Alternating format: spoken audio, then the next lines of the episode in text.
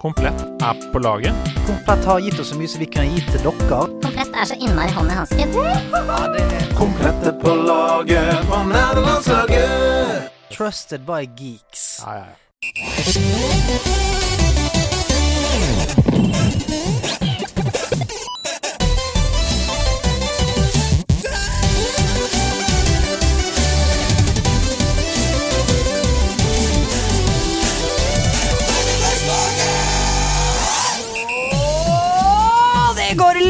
likar nå, for vi er rett inn i øret. Dra Seb inn at skjermen, han er ikke her.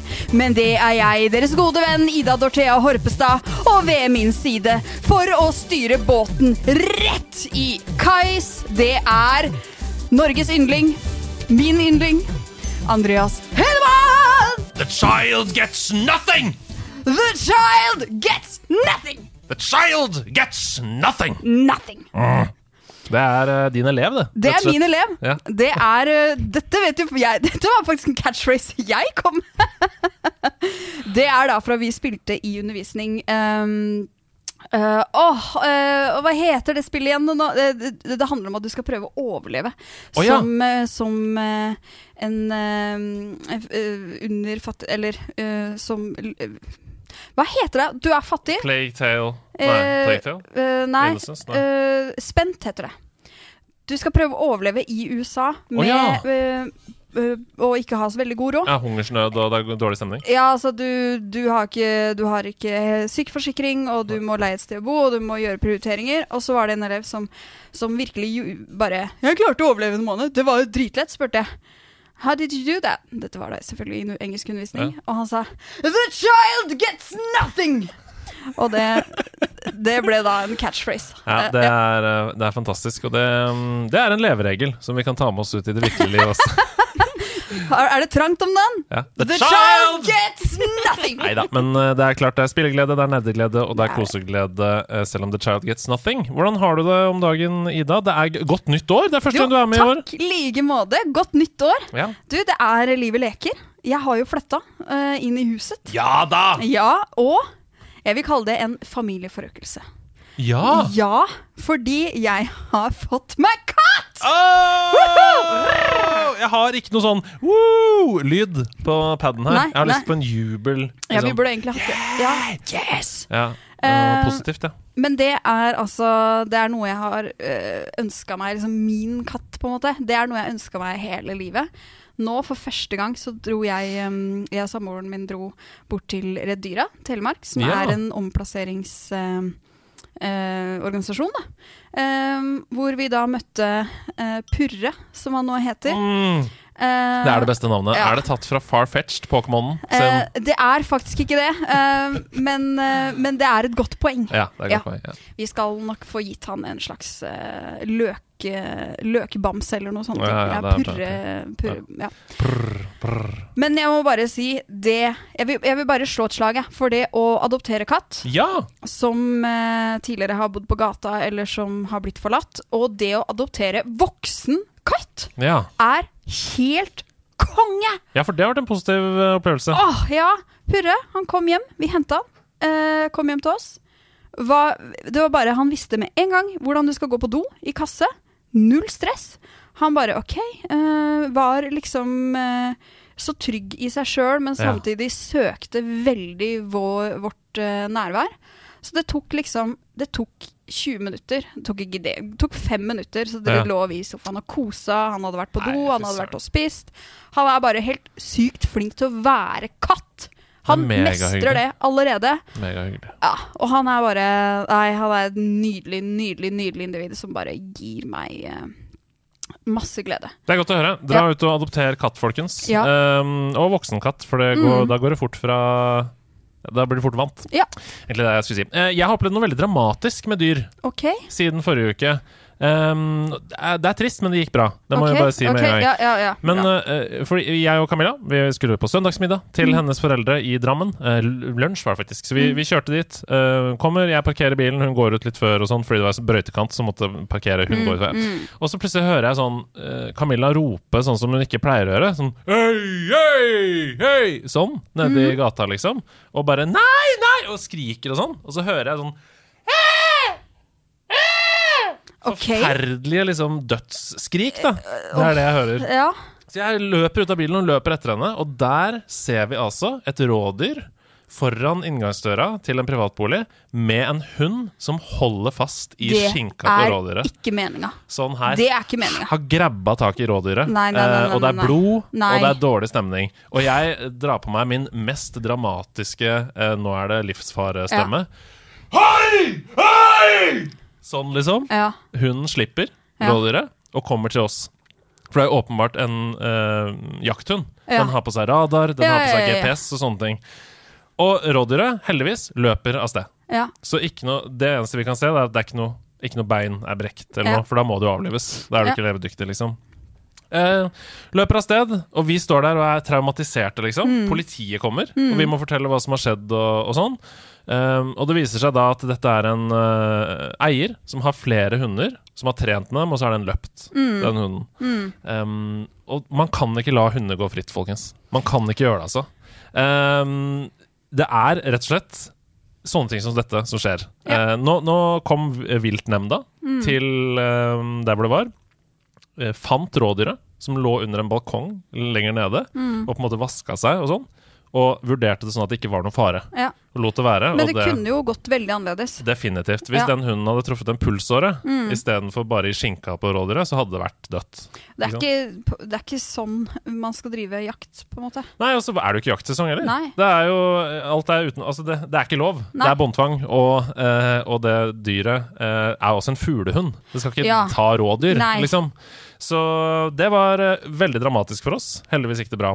Ja. Eh, så ja, du har en eh, oppfordring, som er adopter voksne katter. Ja. Jeg har en oppfordring. Gå med hunden i bånd. Ja. Og det kan være løpestreng! Den kan være lang! Det trenger ikke være Hunden kan oppleve frihet. Men, men pass på at ikke den begynner Altså, jakthunder har et instinkt. Det skal jakte. Ja, ja, Ser den et dyr, så selvfølgelig, det ligger i instinktet, men da må man jo som eier ta ansvar for å, å vite at det instinktet bor der. Veldig viktig å understreke. Dette er ikke hundens feil. Mm. Hunden bare gjorde som den er trent til. Så det er ikke hundens feil. Men uh, det var en veldig dramatisk opplevelse som på en måte prega søndagen litt. Ja, Eh, det kan jeg si. Uh, for å kikke litt framover, Ja. så kan vi si at allerede på torsdag så er det jo spill- og nerdequiz her på House of Nerds. Det er her det skjer. Med vår nydelige Sidequest og nederlandslaggjest Steffen Lund, Ah. som har uh, vikarierer for Hasse. Steffen Lund, han er god i grunn. Han er god i grunn. Ja. Han rimer på hund. Det. Og har en munn. Det har han jo. Eh, ta med deg vennene dine, da vel. Kom deg hit en tur. Det er jo gratis å være med. Masse fine premier. Det er så gøy. Det er så gøy. Og du kan også.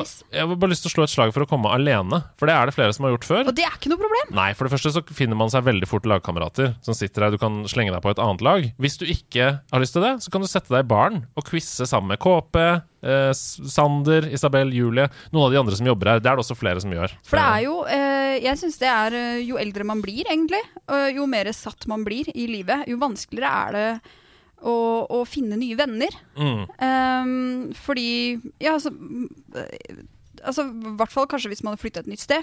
Hvilken arena er det skal treffe nye venner, da? Mm. Jo, nerdequiz. Ja, nettopp. Og det er jo temaer som du som hører på, er interessert i. Og da finner du også andre som er interessert i de samme tingene som deg. Eh, så minner jeg også om eh, Meetup, som er lørdag 28. Her også på House Nerds. Da kommer det folk fra hele Norge. Woohoo! Fark kommer fra Trondheim. Kommer folk fra Sørlandet. Kommer folk fra Vestlandet. Det blir helt sjukt. De tar inn på Scandic Vulkan. Gjør det til en Ja, ja, ja. helaften. Ja, ja. Ja, ja. Så er mulighet til å henge da med masse fine kjøttgående folk fra hele Norge.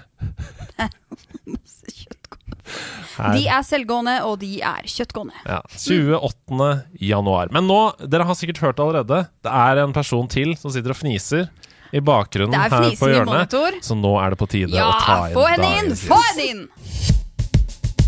Ukas gjest er et rivjern av en 25 år gammel kvinne fra Oslo som har vært i medienes søkelys så å si hele livet. Allerede i 2016 var hun på trykk i Aftenposten to ganger, men det stoppa ikke der. Hun har studert film og TV ved Westerdals og jobber i dag annet som frilans for Seafood TV. Men det er ikke derfor hun er i nederlandslaget denne uka. Ukas gjest har nemlig sittet i styret til Norges Wrestlingforbund siden 2020, og har lenge vært den eneste kvinnelige wrestleren i Norge. I wrestlingringen fighter hun som en mørk skikkelse. På dragscenen er hun metal-entusiasten Erik Schoen, men på privaten spiller hun seg vekk i vakre og ville verdener og mener at The Sims er et av de beste eksemplene på representasjon. Det var tidlig tydelig at engasjementet for dataspill, cosplay og annen nerdeglede skulle ta henne langt, og hun og jeg vi møttes første gang under Arendalsuka, der vi sammen sto arm i arm for å slå et slag for spill. Ta vel imot, inntil nylig leder i Hyperion, Forbund for fantastiske fritidsinteresser, Helle Munthe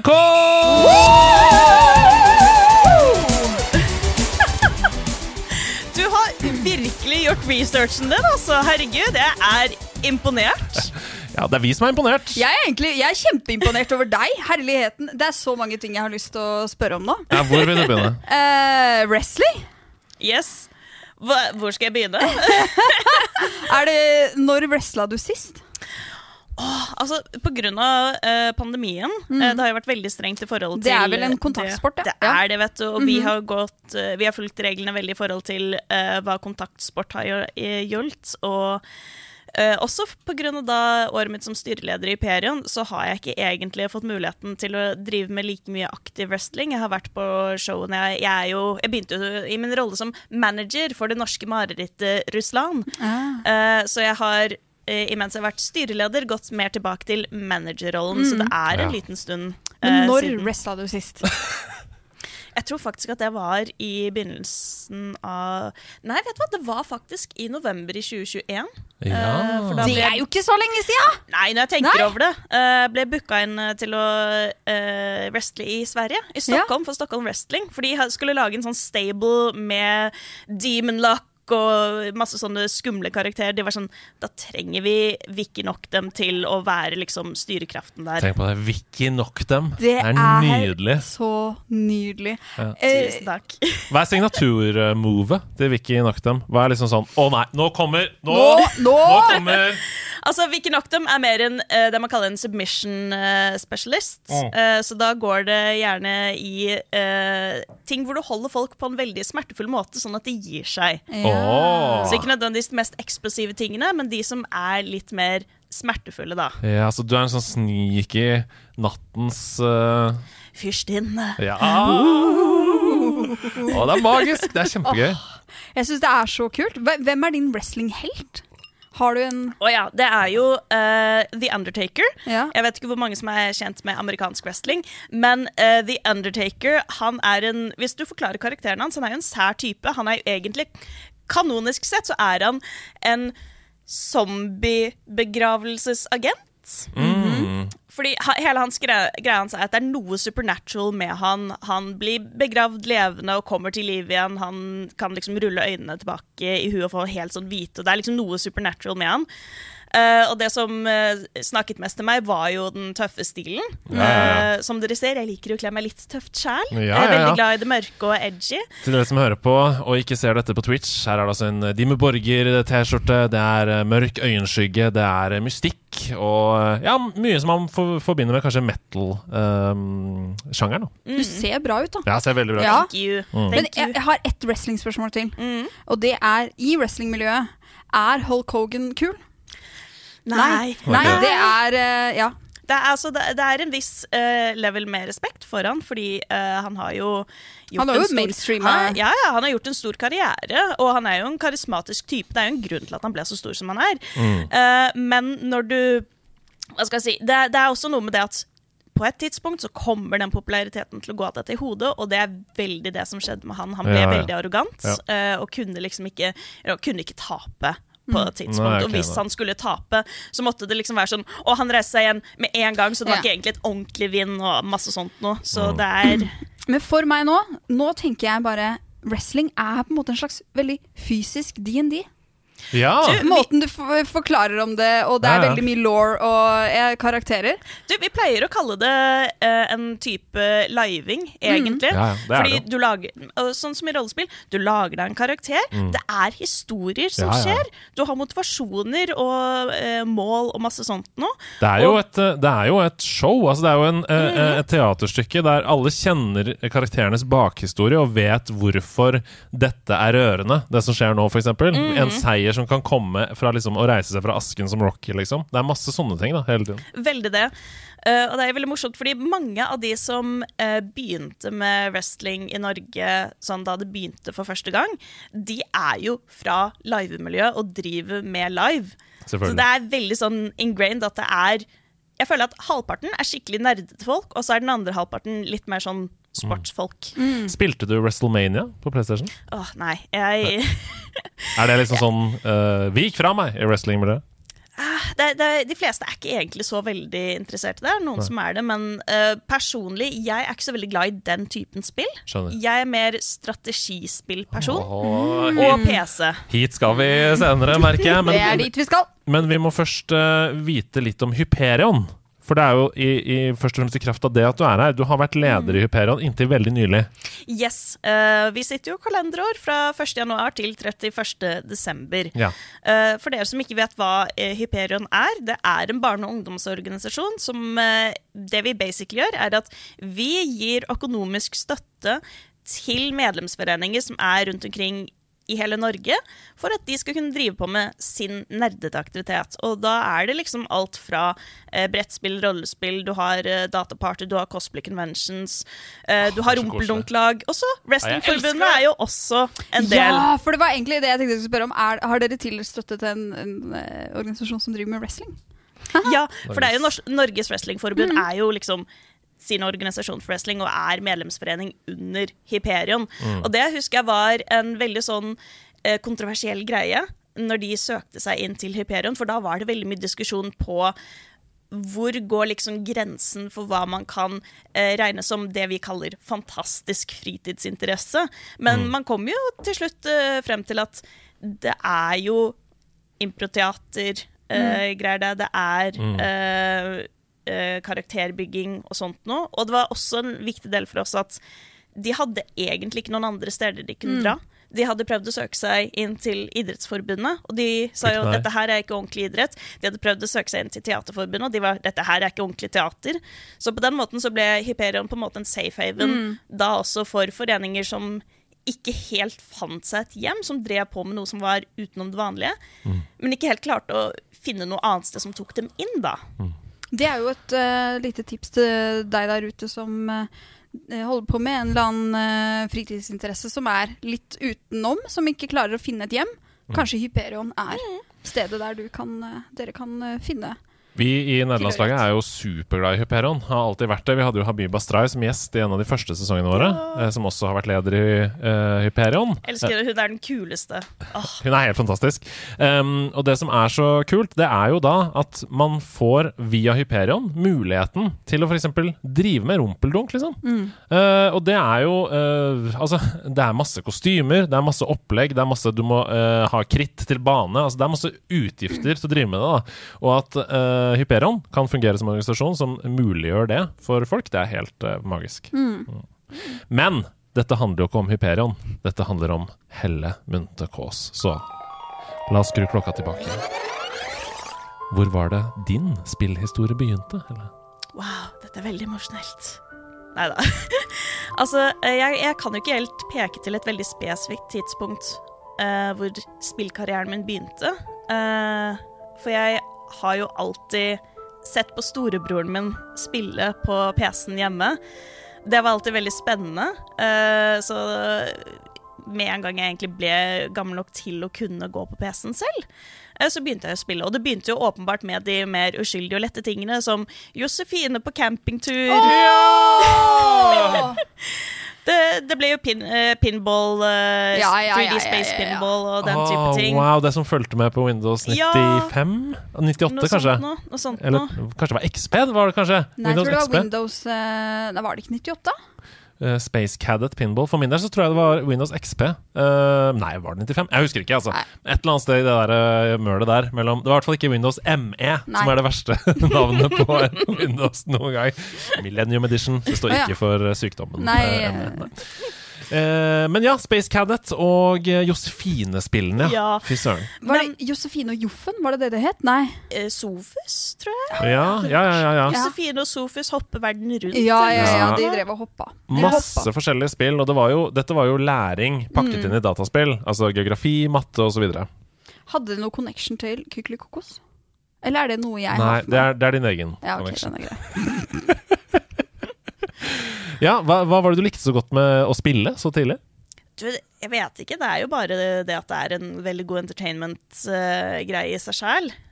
men skal jo sies at jeg gikk jo ganske raskt over på litt mer kompliserte spill. Ikke at jeg gjorde noe bra. Eh, broren min spilte jo blant annet Diablo 2, og da var jeg sånn Og det har jeg lyst til å prøve, men jeg måtte jo be han om å slåss mot de fleste tingene for meg, fordi det var altfor skummelt. Eh, jeg husker også at det var, det var en gang vi satt i bilen på vei hjem eh, fra hytta, og jeg sa til Henrik Å, jeg husker det var et sånt spill du spilte for noen år siden som jeg syntes var kjempekult, og det hadde masse drager og magi og sånt noe. Og det, jeg bare klaget over at det var så lenge siden, og jeg savnet det spillet jeg syntes var veldig kult. Og så var han sånn Jeg har fortsatt det spillet. Og jeg var sånn Hæ, hvorfor har du ikke spilt det, da? Det var visst fordi jeg maste så utrolig mye på han om han kunne sitte og spille det, så han bare løy til meg og sa Nei, jeg hadde lånt av en kompis, jeg har det ikke lenger. Ah. Og det var da Heroes of Might and Magic 3. Ja, fy søren for et magisk spill, eh, bokstavelig talt. Men Mhm. Heroes of Might and Magic 3 Vi har snakka om det før også. Det er det som har brent seg inn i Mm. veldig manges eh, hjerter. Ikke to, ikke én. Det er treeren som sitter hos folk. Det er veldig fascinerende. Men det du opplevde, eller det din bror opplevde, det var jo liksom Twitch backseating. Det var det. Det var jo det. Det var et publikum der som sa til han Du må spille Minecraft. Fordi det har du spilt hele tiden. Og han bare Nei, da vil jeg ikke spille Minecraft, faktisk. Det var ganske snedig taktikk, da. Ja, og jeg var jo sånn fem på det tidspunktet. Jeg trodde jo på han. Ja. Jeg hadde jo ikke Jeg kunne jo ikke lese. Jeg kunne Nei, jo ikke skjønne at noen av de tingene som var i den der CD-hyllen ved siden av eh, PC-en, betydde noe som helst. Jeg skjønte jo ingenting. Så med en gang han hadde fortalt det, så var det sånn Å, når vi kommer tilbake, da må jeg få spilt det Ja. sjæl. Og det, vet du, det begynte en hel uh, period, stor periode av livet mitt hvor jeg spilte multiplayer med søsteren og broren min på Heroes of Might and Magic. da. Så koselig. Det var veldig hyggelig, og vi hadde jo alltid som regler at vi skulle ikke angripe hverandre eller ta liksom resourcene til hverandre, gruver, før alle de andre eh, PC-PC-playerne Ja, ja, ja, var borte. Okay. Da, sånne- da var det free for all, da kunne vi angrepe hverandre. Ja. Elsker sånne house rules. Ja, men det er fint, det. Det Ha- er veldig, veldig fint. Har dere noen sånne house For, for eksempel i Mario Party, da. Hvis dere bare er to som spiller, og dere må spille med to computere, da har vi alltid sånn eh, Alltid computer ned først. Vi samler oss for å få de ned på fjerdeplass, og så kan Ja, vi begynne å ta ja, hverandre. ja, ja, ja. ja, ja, ja, ja. Det er CPU skal ned. Det er oss mot maskinene. Ja, ja, ja. Oi! Det er Wow! oss- Mm. I en AI-verden her. Du må ikke si det for høyt. Snart kommer maskinene, hvis de hører deg. De har registrert det på den eh, chatte... Ja, shit. Here we go. Å nei. Men eh, da ble du rett og slett eh, introdusert for strategispill. Mm. Og ble en strateg, eller? Ja. Det var, var noe med det at uh, jeg lærte veldig mange teknikker fra broren min da. Blant annet det å være veldig feig. Å ja. Dele opp, eh, selv om du bare hadde én type eh, figur, dele den opp og splitte den opp, sånn at du hadde flere. Ja. Eh, kaste kjipe spells på motstanderen, sånn at de f.eks. ble veldig sakte. Du hadde en mye raskere karakter, så du ventet, og så fløy det bort, slo dem, og så fløy tilbake. Og masse sånne ting. Men vet du. er det å være feig, eller er det å være strategisk? Mm, det Jeg er det, er vet enig. du. Utnytte Ja, ja, ja. Det er jo en strategi. Det er en helt åpenbar Det er strategi. jo det. Trickle in damage. Uh, helt konge, det. Det er jo mange som spiller på en måte Ja, hva skal jeg si? Uh, Bloodborne, Demon Souls med ranged karakterer. Det, det, sier ikke, det betyr ikke at de er feige, Nei. liksom. Det, Det er bare en strategi måte måte å spille på. Man må ikke være tank. Nei, selvfølgelig ikke. Det er veldig sant. Hvor gikk veien videre, da? Fra Heroes 3? Uh... Da gikk det videre til uh, Ringenes herre, kampen om Midgard 2. Oi, det har vi nesten aldri snakka om! Men det er jo fantastisk. Uh, en broren min hadde lasta ned demoen, eh, hvor du bare kunne spille som goblins og eh, dverger i sånne faksjoner. Og så var jeg sånn Å, dette var kjempegøy. Og da, det var det første spillet jeg kjøpte helt selv. Og det er en milepæl. Det er det, altså. Det altså. er veldig gøy. Og når du er så ung og bruker liksom sånn 500 Ja. kroner på et spill, da er det sånn. Å, herregud. Det er en investering. Veldig også. Ja. Men uh, veldig mye masse å sette seg inn i der, da. Tekst og sånn. Var du tidlig god i engelsk, for eksempel? Ja, og det er jo på grunn av at jeg tok og spilte så mye Heroes, og da var det jo sånn You know, du hadde artifacts, du måtte lese hva de gjorde, eh, du måtte vite hva slags resources du skulle ha for å kjøpe inn, og noen ganger så er det jo en story basert til det kartet som du tar og spiller på for denne gangen og sånt noe, så det var liksom det, det var veldig mye engelsk å få lært ut av det, så det plukka jeg opp egentlig ganske raskt. Ja. Spill, altså. Spill og engelsk. Ja, det er masse lærdom. Språkkunnskaper. Ja, Ja, ja, ja. Men hva, hva likte du best med det spillet, da? Altså Kampen om Midgard 2. Hva var det som var så tiltalende for det? Hadde du noe forhold til Tolkien-universet fra før? For eksempel? Ja, ja. Altså, jeg, jeg kommer jo fra en ganske nerdete familie. Ja! ja! Uh, så jeg ble, var jo introdusert for uh, Ringenes herre-filmene ganske tidlig. Uh, det var jo hovedsakelig søsteren og broren min som åpenbart har lest seg gjennom Hobbiten og Silmarillion og eh, alle Ringenes herre-bøkene i tidlig tenårene. Og selvsagt ble jeg introdusert gjennom dem. Veldig greit når man har veldig kule eldre søsken som kan drive og introdusere deg for dette. Det er veldig, veldig right. Så vi hadde jo veldig rar blanding. da Jeg hadde ring, eh, første Ringenes herre, altså Ringens brorskap, på VHS. Og så hadde vi to tårn i ex Extended Edition DVD Collection med behind the scenes. man skal ha, det er så deilig hvordan uh, det teknologiske framskrittet kommer i uttrykk. Mm, I. Ringenes herre. Uh, ja, også, men hadde dere treeren også? Ja, vi fikk den til slutt, men det var, av en eller annen grunn så kjøpte vi den som en helt vanlig sånn vanlig DVD, ikke expansion pack eller noe. Nå har jeg heldigvis fått ordnet opp det sjæl og kjøpt Ja. meg liksom extended edition på både liksom Hobbiten-triologien og Ringenes herre-triologien. Det skal være i hus. Det skal være på stell. Den gullboksen? Eller hvilken Jeg tror min Om den er ø, mørkebrun eller Ja, ja, ja, det er sikkert det. sånt Det er bare, eh, på, på sånn tidlig 2000-tall så kom det en sånn her gullboks med extended-filmene på Blu-ray med masse ekstramateriale og opplegg knytta til det. Det er sånn tre Blu-rays per film Ja, ja, ja. med ekstramateriale. Akkurat uh, den eh, extended edition med to tårn, Mm. som broren, det var jo broren min som kjøpte den, den fulgte med en Smeagol-skulptur. Oh. Som var liksom sånn Ja. stor eller noe sånt. Noe dritkult. Så den sto liksom på bokhylla hans sammen med masse andre ting. Du har hatt liksom en skikkelig en, eh, nerdeguide i din bror. Veldig, veldig.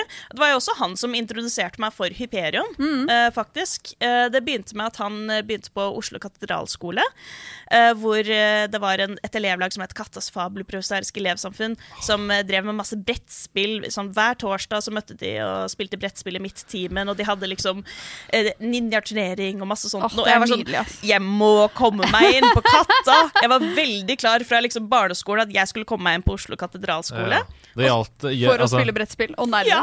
Deilig. Men altså, for det første, jeg må bare si at jeg, jeg blir forelska av å høre om dette, selvfølgelig. Jeg fant også i researchen, dette opplegget du snakker om her nå. Men det var ikke akkurat noe ulempe at Katta er en av Oslos beste skoler heller, da. Sånn karaktersnittsmessig. Oi, er det Nei, men det er jo det! Ja, så da, da må jo du ha vært veldig flink. Det er det jeg prøver å si. ja. I tillegg til å ha vært nerdeinteressert, så må du ha jobba ganske hardt for å komme inn på Katta. Nei. Jeg bare har talent. Altså, Det bare var- ligger for meg. Jeg var av den typen elever som sitter og bare tegna veldig mye i timen. Ja. Eh, og det, det, you know, det, noen fag gikk bedre enn andre, men eh, generelt så hadde jeg bare greit nok snitt til at jeg skulle komme meg ganske greit inn på Katta. Mm. Heldigvis.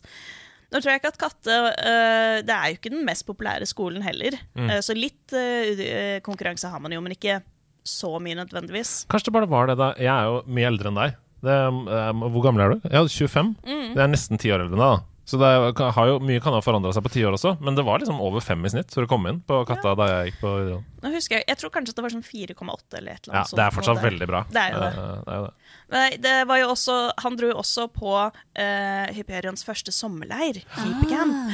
Og når han liksom kom tilbake fra det, og jeg fikk høre om alt som skjedde, så ble jeg jo helt grønn av misunnelse. Var sånn, dette skal jeg på neste år. Så i en alder av 13 eh, så dro jeg jo vekk på sommerleir hvor det var Altså, det var et veldig stort aldersspenn. Du hadde jo folk som var opp, eh, opp mot 25-30 eh, som var der.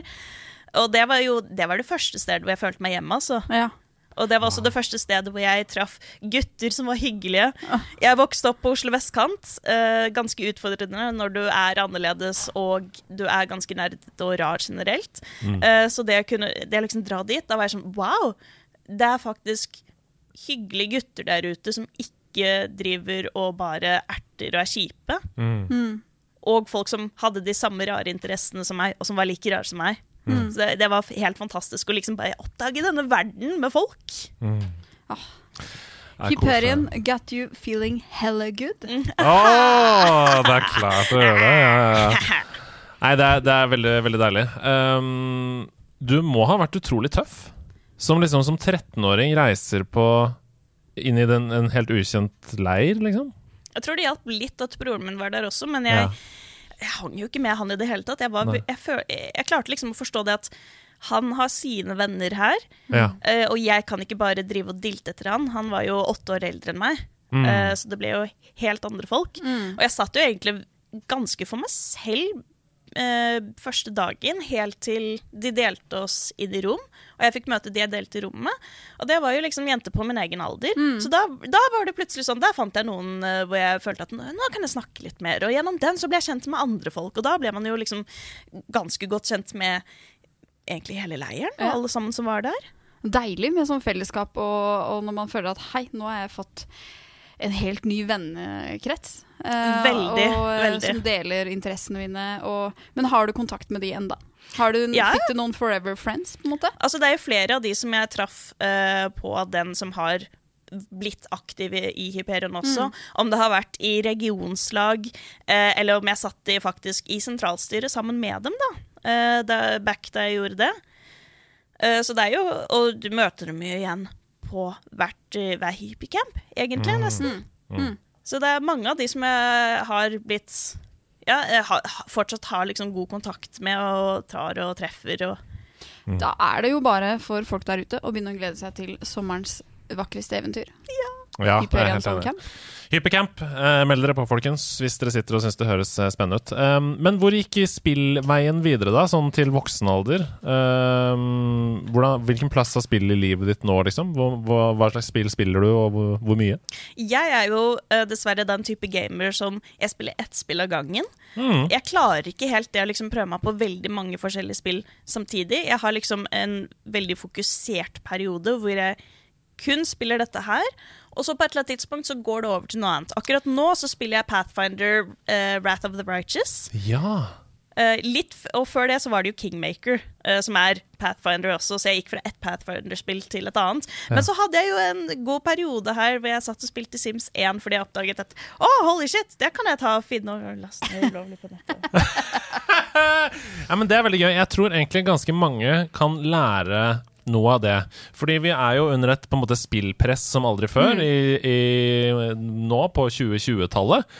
Um, det kommer nye spill hele tiden, og man føler sånn fomo og uh, laster kanskje ned fem, seks, sju spill, og så spiller man bare ett av dem, og så ligger masse backlog som du ikke får brukt. ja, ja. ja. og så får man dårlig samvittighet. Dårlig samvittighet. For dette burde jeg ha spilt. Og pengebruk og alt mulig sånt. Um, Så eh, det å spille seg på en måte ferdig med én ting før man begynner på noe nytt, det er egentlig ganske lurt. Jeg syns det er et godt tips. Og uh, man skal liksom ikke kimse av det å faktisk dypdykke i en opplevelse og fokusere på å få med seg den opplevelsen framfor å prøve å, å få med seg alt. Det er litt sånn i eh, Vi har det forholdet til musikk også. Mm. Jeg, ba- jeg, jeg har bare gitt opp det å prøve få, å holde tritt med alt som blir gitt ut. Jeg, vil, jeg finner en skive, og så legger jeg min elsk på den skiva, og så lytter jeg dritten ut av den skiva fram til jeg er lei, og da får jeg lyst til å sjekke ut noe nytt.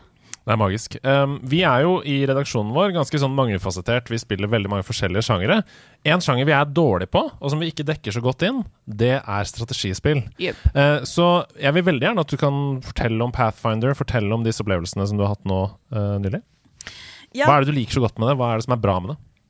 Nå skal det sies at pa akkurat Pathfinder, den jeg spiller nå, The Wrath of the Righteous, er både delvis et strategispill, men også et eh, RPG-spill. Ja. Eh, Det jeg liker veldig godt med eh, strategispill generelt, det er egentlig det at jeg kan sitte og tenke. Fordi det er jo ofte turn-based, og da kan jeg drive og planlegge liksom OK, jeg vet at denne typen er svak for den typen angrep, og hvis jeg får de rundt der og gjør det Det er, det er noe med det at jeg får muligheten til å sitte og faktisk tenke og planlegge, eh, som jeg liker veldig godt. Også Uten er å bli stressa, liksom. Mm, Veldig det. Og på den måten så er jo uh, Battle of Middle Earth 2 ikke helt bra, fordi den er ikke turn-based, der skjer alt real time. Eh, men jeg tror jeg også generelt bare er en veldig sucker for fantasyspill. Veldig glad i designet eh, på liksom karakterer, eh, hva slags infantry du får, borgerne, oppgraderinger, masse sånt. Og veldig, veldig glad i det. Det virker jo som du har et på en måte, gen for å leve deg inn i de verden også. Eh, hvor lang tid tar det før du plutselig er helt lost i en annen verden? Det tar ikke så lang tid. altså, jeg går jo Jeg går veldig fort uh, av og til så føler jeg at hvis jeg bare liksom har en halvtime eller en time på å spille, så er jeg sånn Det er ikke helt verdt det. Jeg, jeg må ha ordentlig tid og sette meg inn i det ordentlig og liksom ha, ha tid til å godte meg skikkelig med det, liksom, og nyte det. Hvis det er den typen. Jeg er også litt sånn completionist, har jeg funnet ut. Fordi jeg liker veldig godt å liksom Nå har jeg laget eksempel i RPG-spill. Jeg har laget meg én karakter. Nå skal jeg spille gjennom dette her. Før jeg lager en ny en. Mens mannen min, han tar Jeg tror character creation er det han liker mest, egentlig, oh, ja, i spill. Så han, han lager bare sånn tusen forskjellige karakterer med tusen forskjellige spillslots. Det er sånn eh, Akkurat nå sitter han og spiller mye Cyberpunk eh, 2077, og der er det sånn Jeg føler at jeg sitter på min egen PC og spiller, og jeg føler nesten hver gang jeg ser opp, så er det en ny karakter han har laget. Men er han en kunstner, liksom? Jobber han med den type ting? Altså, han har jo holdt på å si ut, ish utdanning. Eh, han har jo gått på kunstlinje på eh, videregående. Ja. Eh, akkurat nå så er han trosopplærer eh, i kirken bort på Sankthanshaugen. Og det han liker best da, er å kunne finne ut hvordan kan vi gjøre noe kunst og håndverksgreier med barna nå. Nå skal vi lage et eller annet. Han er veldig glad i å kunne implementere det, så han er jo en litt kunstnerisk Ja, for den, Praktiker. den connection der er ganske ofte til stede. At hvis du er fascinert av en karakters bakgrunnshistorie, eller du har fantasi for de tingene og har lyst til å finne på, så er ikke spill i seg selv så viktig.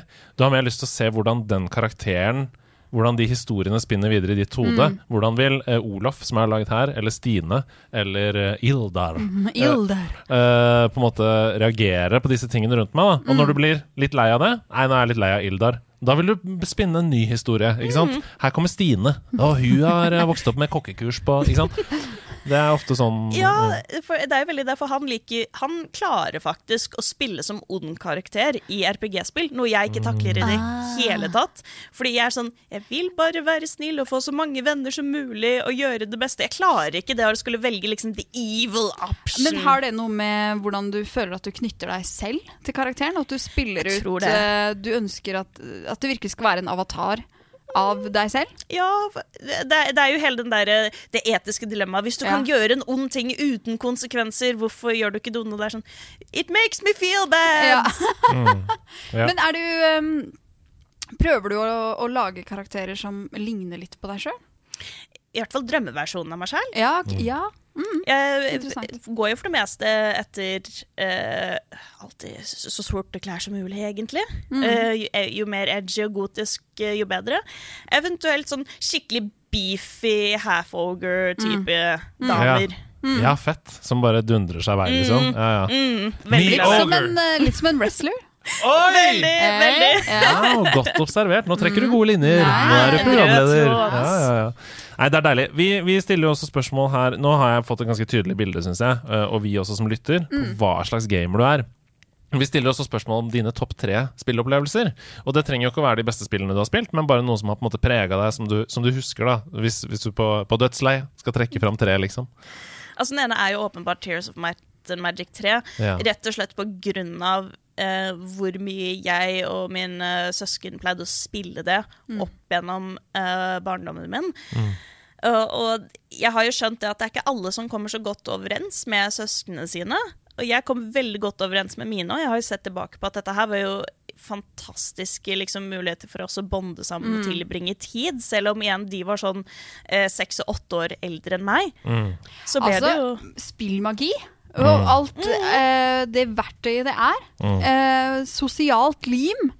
Det er magisk, og hvordan det er så Som du nevner, da. Eh, det, det funker selv om, selv om man er i helt forskjellig alder. Det gjør det. så det var, det var, Jeg setter veldig pris på liksom, at det spillet har fått oss så nærme og har gjort at vi har tilbrakt så mye tid sammen, egentlig. Hvilke klasser var favorittene i Heroes som Might Magic 3? Der spiller du ikke som klasser, der spiller du jo som forskjellige borger. Ja, stemmer det. Eh, stemmer det. det, det, det. Altså- jeg spilte det mest hos Petter, min venn i Jordbærveien på Nordseter. Eh, Jeg, altså, jeg personlig er veldig glad i Nekropolis, som jo er Skjelett-Lich. Det, det, det skjønner jeg. Ja, det, Det og, gir mening. Ikke overraskende, Nei. akkurat.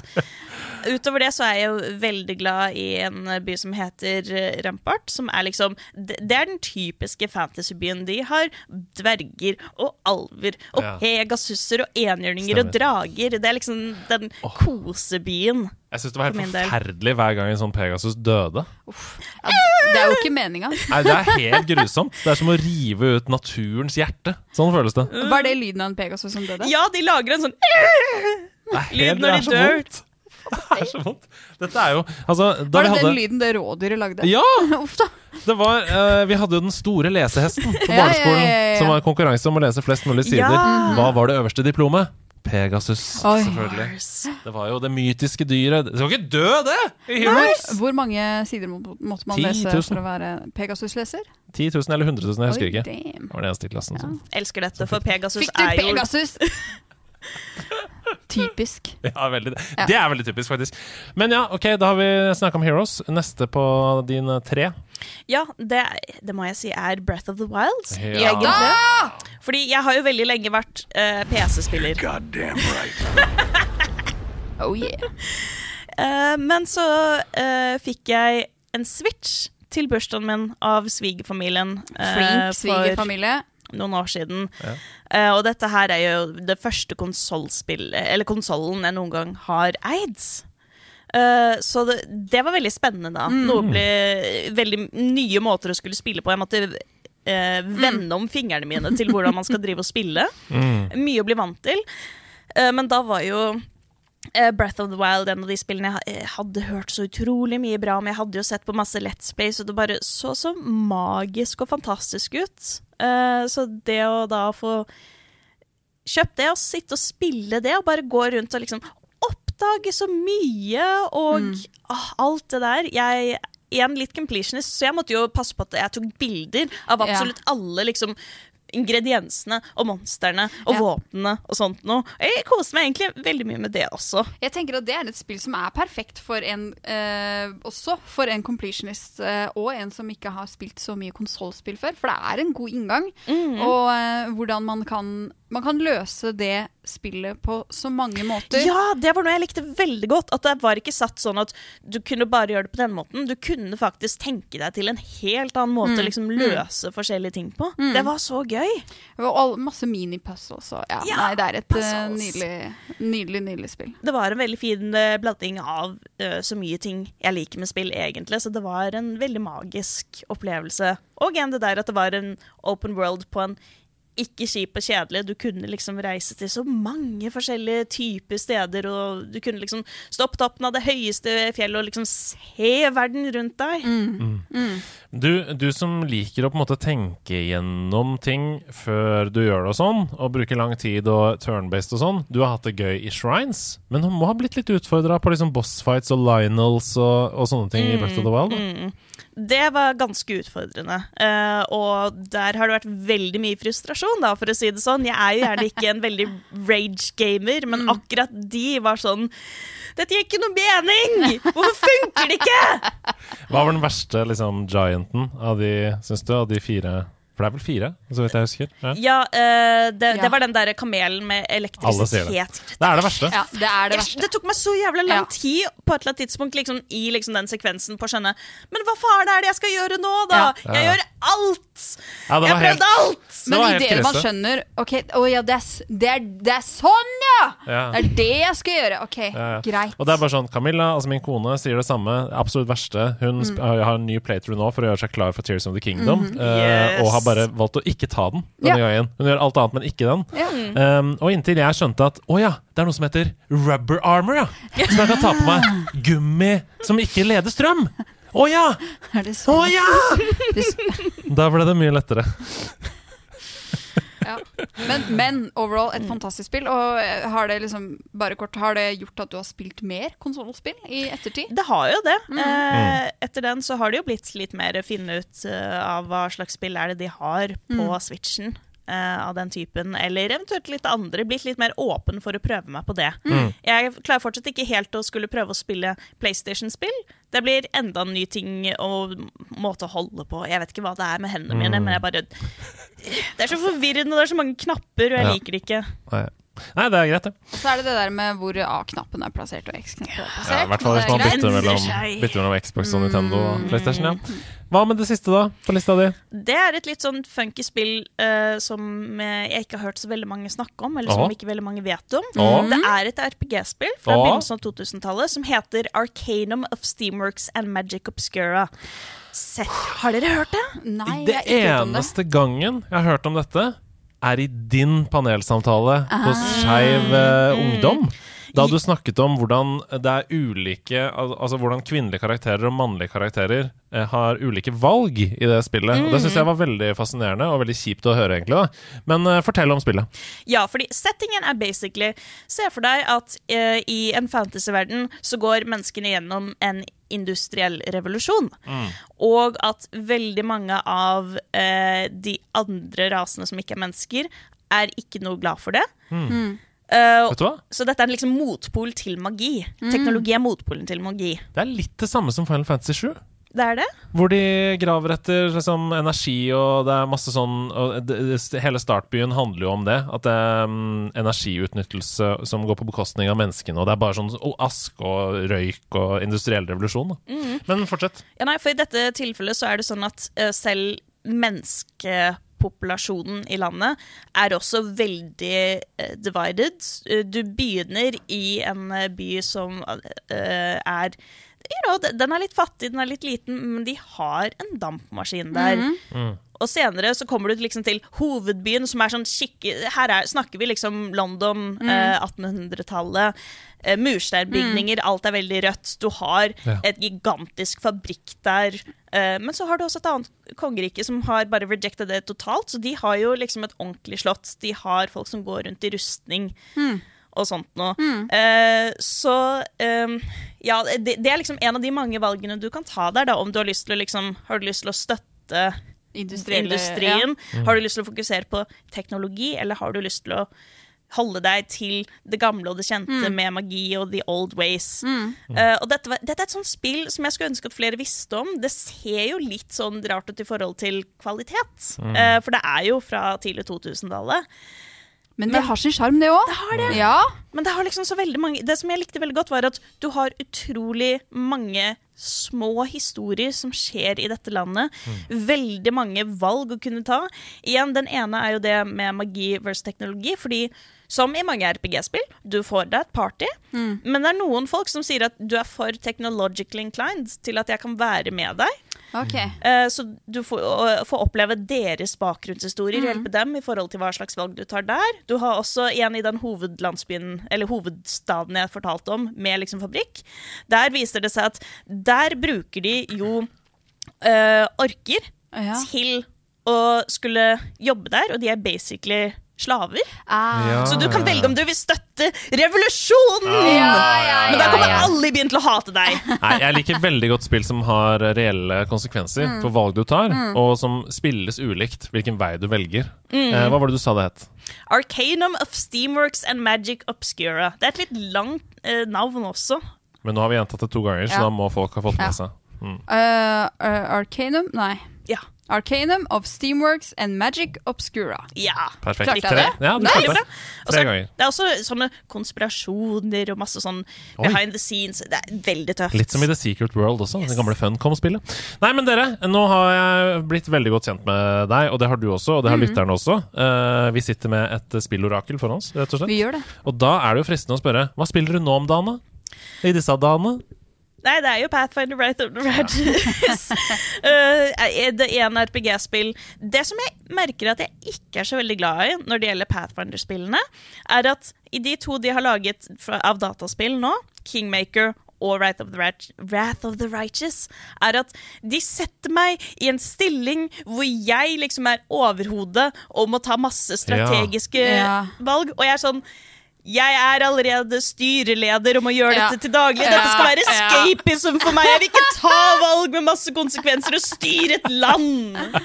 Men er ikke generelt strategispill litt Ja, det kommer jo an på, da. Ja, Ja. ja, ja, ja. Altså, det går greit å ta avgjørelser, men når avgjørelsen er liksom Hei, du, disse folka her mener at disse folka har stjålet dette fra dem, og du Ja. må velge hvem Ja, du du, skal støtte. sånn, ja. Du må mekle, det er mye diploma, eh, diplomacy som går, og du må tenke liksom OK, dette her gjør at jeg kan hjelpe dem bedre, men det kommer til å gå verre for Ja, dette. ja, ja. Og det er sånn Jeg vil bare løpe rundt og slåss mot monstre. Du spiller vel eh, ikke noe sånn uh, Hva skal jeg si uh, Kulturorganisasjonssimulator. Du spiller ikke noe som ligner på jobben din om dagen? Eh, du det Hva skal jeg si? Jeg spiller veldig mye Vampire Survivors. Så nei, jeg gjør ikke det. Fortell! Hva er det du spiller om dagen? Du, eh, ja, nå har det gått mye i Vampire Survivors som har vært Fytti dæven, for et spill. Både for deg og din bedre halvdel? Ja, ja, ja, ja, det er det det går i. Vi, sitter, det, er bare sånn der, vi ser på hverandre og bare Skal vi ta en runde? Ja, vi skal det. Men da sitter dere på hver deres PC, liksom? Og, Hver vår PC. Og jeg har to kontoer, da. for Jeg spiller også på mobilen. Mye på mobilen.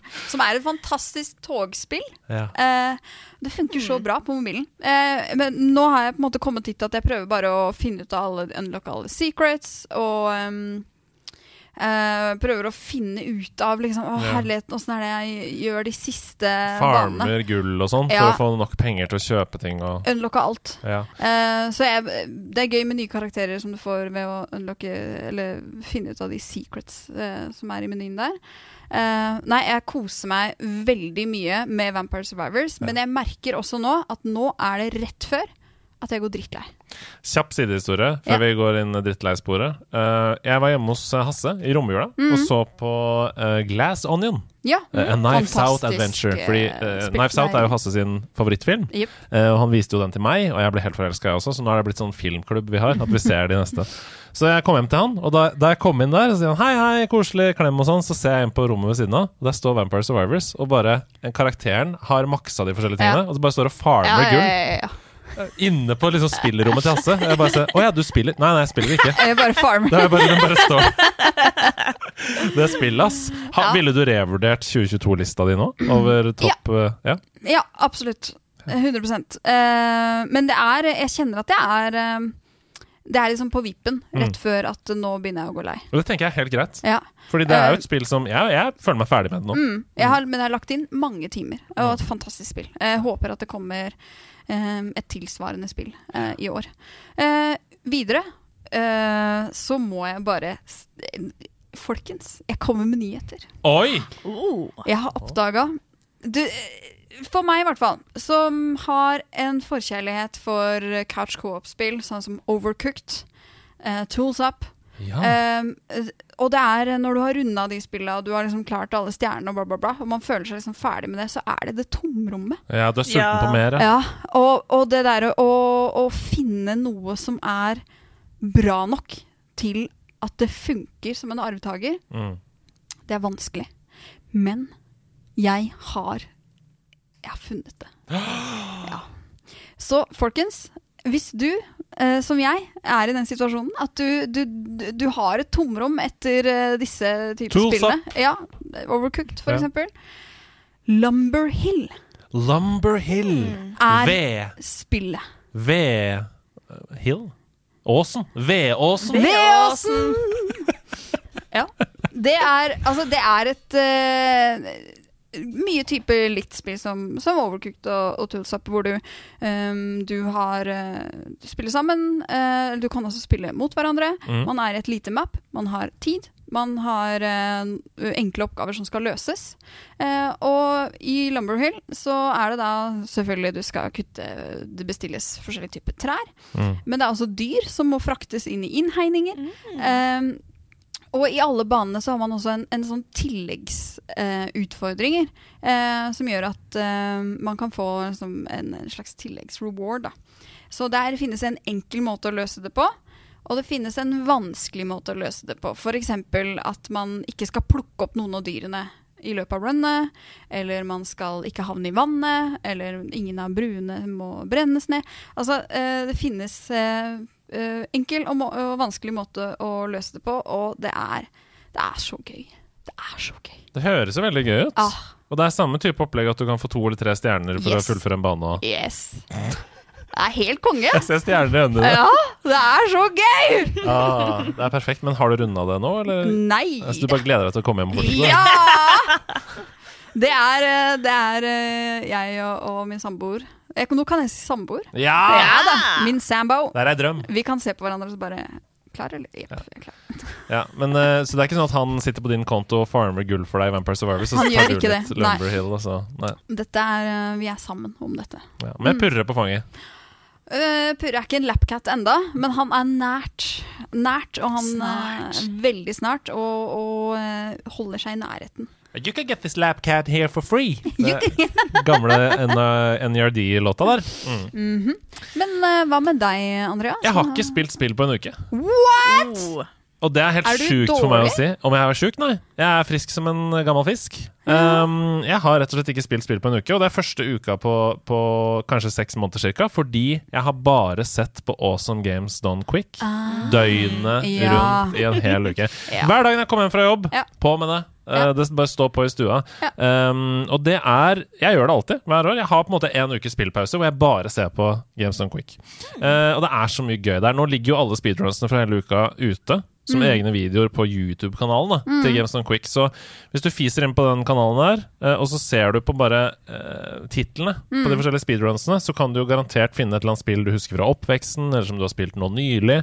eh, og så kan du se på da noen av de beste i verden spille det på en måte som er helt annerledes enn du har spilt det, åpenbart. Jeg så lite grann på da de eh, kjørte Skyward Sword, Ja. eh, Zelda, og det var bare veldig rart, for de drev og hacka noe med noe saves og noe greier. Ja, for det spillet har jo, er jo um, når, du, når du gjør såpass groundbreaking ting med bevegelseskontroller som det de gjorde, så blir det litt spagettikode. Ikke sant? Eh, åpenbart. Eh, yep. så der er det jo sånn at hvis du holder på å dø, så kan du gå til Du kan trykke på reset eller noe, gå til menyen. Og når du da fortsetter i startmenyen, altså hvis du har restarta spillet og står i loading, sånn velger hvilken save du skal gjøre og sånn, da kan du spille spillet i bakgrunnen uten at spillet registrerer det. Så du kan gå gjennom vegger og sånn i Ah. startmenyen. Det er, Det er veldig- ja, det er vilt. Det er veldig fascinerende. Men jeg har, eh, jeg har valgt ut noen helt nydelige runs som jeg har lyst til å anbefale. For at folk kan gå inn og se på de, eh, uavhengig av om man kjenner til spillene fra før. Eh, og så er det en mye lengre liste også inni den GDQ-tråden på Discord. Så hvis du blir intrigued av dette, så kan du gå inn der og sjekke. Men Worms Armageddon, All Missions, det var helt fantastisk å se på. Altså Her sitter altså en voksen mann som er åpenbart sånn Altså han Sånn som han har doktorgrad i Worms. Og han gikk liksom vitenskapelig til verks. Det er sånn yeah, we have four pixels this way Og så tar han opp sånn rød granat, liksom. Og så skyter han den i en retning som du bare Hva er det du driver med nå? Så bare pim, pim, pim, pim, pim, pim. Fire worms døde. Shit. Det er så fett å se på. Det er som å se på sånn Rube Goldberg Ja. evighetsmaskin. Ja. Hver bane, liksom. Så det var helt fantastisk. Eh, Fashion Police Squad Fashion Police Squad. er et spill jeg aldri hadde hørt om. Nei. Men bare gå inn på YouTube, og så hopper du til 2532 av det runnet. OK. Og når du har sett det som skjer da det neste minuttet, så skjønner du hvorfor du må se hele runnet. All right. Helt magisk. En utrolig vakker mann som sitter der med langt, bølgende hår, som da velger, midt i spillet, eh, å ta, dra ut øreproppene, gå til helfigur kamera seg sjøl og kjøre dance-off midt i spillerunnet. Det var helt magisk. Uh, Metal Slug, um, også et spill jeg aldri hadde hørt om. Uh, spilt av tidenes mest gira fyr. Han, og han bare elsker dataspill. No. Deilig. Du, du bare, han er sånn Oh, this is so cool! Because I can throw 30 bombs at the boss! sånn sitter han og spiller, og det bare Det smitter sånn, da. Du blir så glad av å høre på det. Stepmania. Hvis du tenkte at Klokkismann var vill på rytmespill, Ja. dette er next level. Okay. Men det, er, er det fysisk mulig, tenker jeg da. Se runnet, så Ja. skjønner du hva som skjer. Til slutt, eh, noe av det sjukeste jeg har sett i mitt liv, og det var helt fantastisk. Så gøy at jeg fikk så lyst til å gjøre det sjøl. Super Mario Allstars Shuffler. Altså okay. Super Mario 1, 2, 3 eh, og World pluss The Lost Levels er jo i samme spill. Ikke sant? Det er jo i Super Mario Allstars. Um, hun som spilte det, hadde altså spilte, spilte et programmert versjon av det spillet, hvor hun skulle runde altså any prosent av alle spillene i løpet av runnet. Det hun ikke vet, det er at tilfeldig mellom 30 og 60 sekunder hver gang, så bytter spillet til et av de andre spillene. Så det betyr at hun på når som helst tidspunkt, da, hvis hun runner i Super Mario World, så kan hun hoppe over et gap. Så bytter de med sånn her i lufta Oi. til Ja. på en måte Super Mario 3. Og der er du i en bossfight, eksempel. Og det Da er skal så du ha ganske god kartlegging av hva som skjer. Og det som er så fett å se på, er at det er fullstendig tilfeldig for hver gang hun runner det. ikke sant? Så hun kan jo ikke planlegge. Det eneste hun må gjøre, er at hun må kjenne sånn Ok, nå har det gått over 30 sekunder. Så det betyr at når som helst nå så kan det skje noe. Skal jeg risikere å hoppe videre, eller skal jeg bli stående her? Ikke sant? Så eh, fordi hvis du da på en måte spiller Si at du er i Super Mario 3, da. Du hopper over en kant. Og så er det sånn «Ja, Jeg kan kanskje klare dette hvis jeg neste gang det bytter dette spillet, fortsetter å holde inne mot høyre. Men da er du kanskje innom Super Mario 2, Super Mario 1, Super Mario World, Super Ja. Mario 1 igjen, Super Mario World, og så tilbake til Super Mario 3. Det er jo tilfeldig, ikke sant? Wow. Det er imponerende. det er helt fantastisk å se på. Det høres Hun, veldig gøy ut. hun var helt rå. Mm. og når hun hadde runda et spill, så forsvinner det automatisk ut Ja. av loopen. måte Så det var veldig, veldig gøy. Helt til slutt så må vi snakke om The Last of Us på HBO. Ja, det må vi gjøre. Har dere sett det? Jeg har ikke HBO, jeg. Nei? Ja, jeg så det. Kan noen donere HBO til eh, Helle Munter-Kåss? Noen av de som hører på? Uh, Finn Helle. Jeg kan sikkert finne det på nettet på sketchy sider. Ikke, ikke finn det på Nei, en nei, nei, sider. Ikke finne på sketchy sider. Har du fått sett det da, Ida? Jeg har sett første episode, ja. Ja. 1 time og 20 minutter. Det er jo en film, den første episoden. Det er en film. Ehm, ehm, ja. Hva syns du? Vi, vi skal jo åpenbart ikke spoile noen ting, Nei. så ikke vær redd for det, folkens, som hører på her. Eh, men hva syns du om hvordan de har tatt spillet til TV-skjermen? Jeg fikk Det kan jeg vel kanskje si, at jeg fikk eh, umiddelbart en, eh, en sånn følelse av at det, her har jeg en følelse som jeg ikke har opplevd før, med tanke på uh, en slags Jeg skjønner ikke hvordan de fikk det til, men jeg føler at Eller jeg opplevde at uh, serien uh, hadde et preg av cutscenes fra spillet. Mm. På en helt Og jeg veit ikke helt hvordan de har fått det til, men jeg følte at jeg så på en serie som var cutscenes fra spillet. Mm. Uh, kjenner Altså- du deg igjen i det? Absolutt. Både produsent og regi av spillet er jo med Mm. over i serieproduksjonen. Og noen av replikkene og noen av scenene er jo én til én. Mm. Helt like uh, fra spillet. Um, de har også filma det på en måte som gjør at innimellom så føler du at du spiller. Ja! Ja! Um, Jeg klarer ikke å putte liksom, fingeren akkurat på hva det er, men det var en, en opplevelse som jeg ikke har hatt med å se på en serie før. Mm. Fordi det føltes litt som Ja, føltes som jeg er i cutscenes Mm. uh, i en serie. Så spennende. Nei, i, i et spill. Ja, absolutt. Og jeg, men jeg liker castingen. mm, Um, det er kjempe Altså, det er, ja. jo, det er jo Joel, liksom. Ja.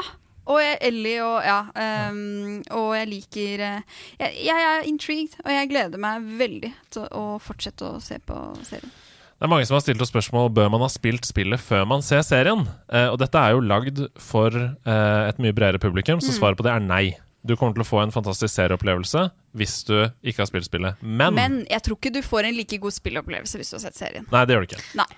Det er, det er helt enig i. Ja. Mm. Eh, og så tror jeg også at hvis du spiller spillet før, så kommer du til å gjøre som meg, hulke litt.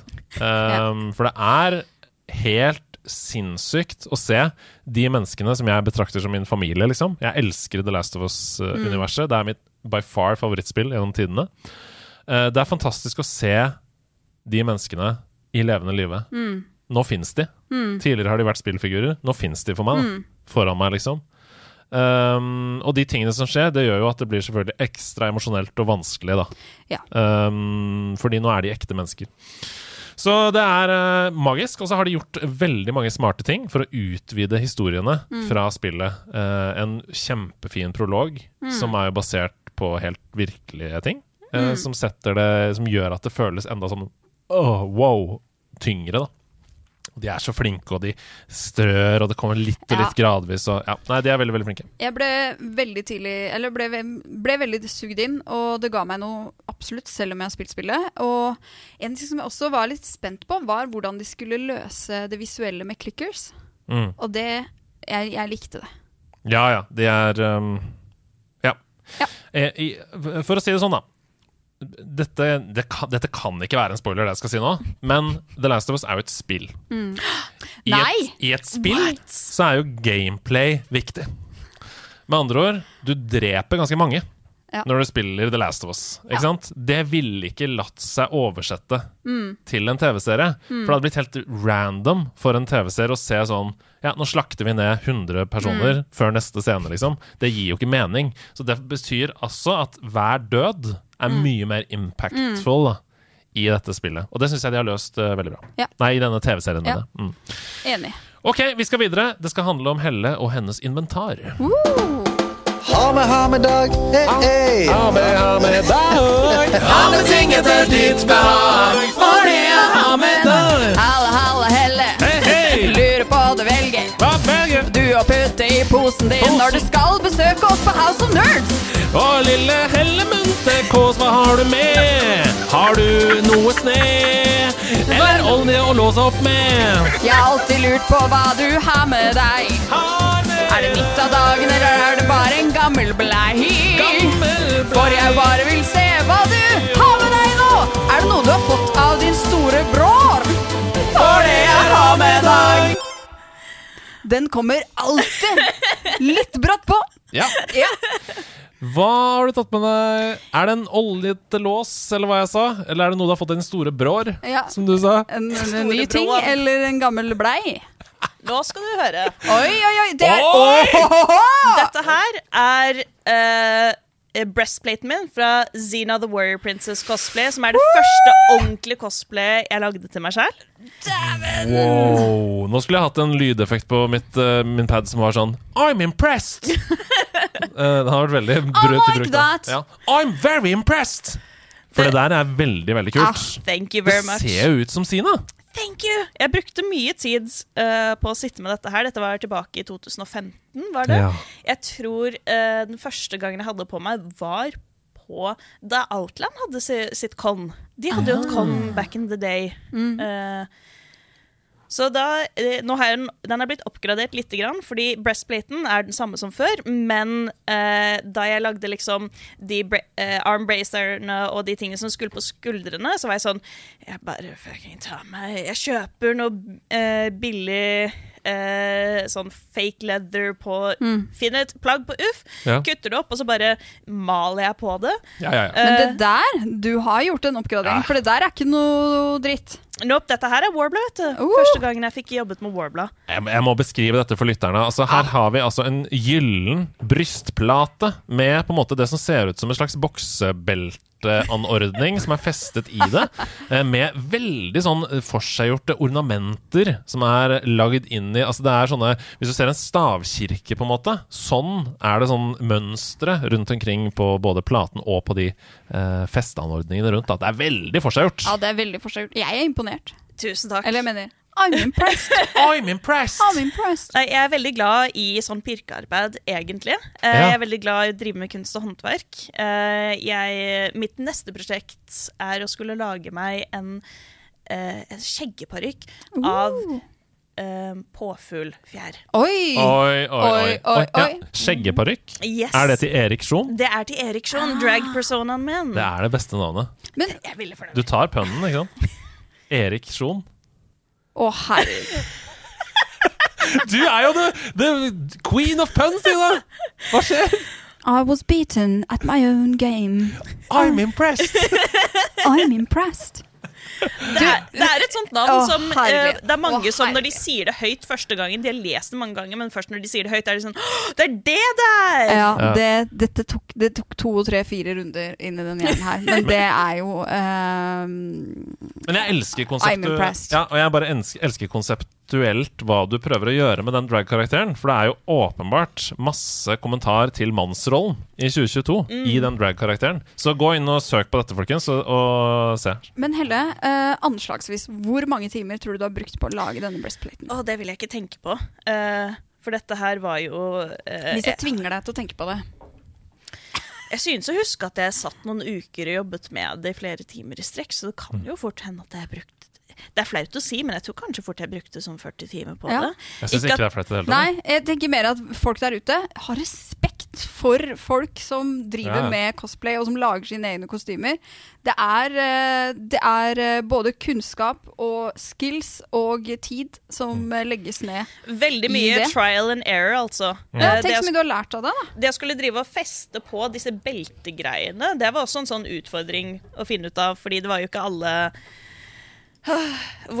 Når du har lær, og du skal liksom ta det til noe som ikke egentlig kan Du kan ikke lime det fast nødvendigvis, og du kan ikke sy det fast heller. Eh, så det ble jo til at jeg kunne heldigvis bruke Warbla uh, til å lime det fast. Og dette er jo masse belter som jeg bare har liksom kuttet fra hverandre. Og igjen, når jeg, ser, når jeg liksom er på kon, så ser jeg på ting andre folk har laget, og hvor mye mer intrikat det er. Jeg tør ikke tenke på hvor mye tid de bruker på disse tingene. Vi må jo huske da, folkens, at eh, det å legge puslespill eller det å bygge ting og sånn, det er jo veien som er målet. Det er det. Eh, man vokser jo, og man har det jo gøy underveis. Så ja, eh, hvis, du, hvis du begynner på et sånt prosjekt som dette, det gjelder strikking, det gjelder alt som har med håndarbeid å gjøre, eh, keramikk, porselen, hva som helst, eh, du kan ikke liksom tenke sånn jeg vil at den skal være ferdig nå! Jeg vil at den skal være For da blir du Da, Da fullfører du ikke. på internett, da. Da fullfører du ikke. Altså, poenget er å ha det gøy med prosessen, tenker jeg. Ja, og dette her var veldig gøy. Og det var også veldig koselig da å kunne dra på Konne i, som en karakter som Det er ikke nødvendigvis alle som kjenner til det veldig bra, eh, som kjenner til Zina the Warrior Princess sånn generelt. Men de som kjente meg igjen, Ja. de var kjempeglade for å se det. Det var sånn det det. Oh my god, Zero the War Princess! Holy shit! Jeg kan ikke tro at noen har kledd seg ut som det. Jeg husker også at det var en uh, dame som var sånn Å, kan jeg ta bilde av det? Så fant jeg ut i ettertid at det var jo Siri Pettersen som har skrevet Ah. uh, Ravneringen, er det? Ja. Oi, magisk. Ja, hun var sånn Wow. Hun tok og fangirla over meg, liksom. Å, det er gøy! Nei, da, det er helt nydelig. Tusen takk for en fantastisk ha-med-dag. I'm Um, impressed. I'm impressed.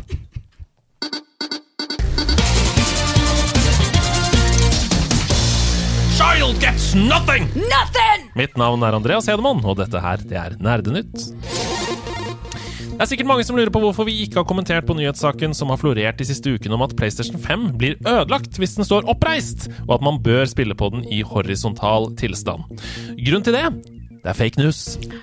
Den opprinnelige kilden, som var et verksted som reparerer PS5, har selv gått ut og debunket hele teorien i etterkant. Så la PlayStation 5 stå oppreist hvis dere vil, folkens. Den blir rett og slett ikke skada av det. Ok, og nå over til mer sånn diskusjonspunkt. Så demper vi den der bullet-musikken i bakgrunnen, og så går vi over til å diskutere. Fordi vi har jo tidligere snakka en del om det å bevare spillhistorie i nederlandslaget. Uh, og derfor så er denne saken som Hasse sendte meg på DM, ganske interessant. Uh, denne uka her forsvinner nemlig et spill fra verden for alltid.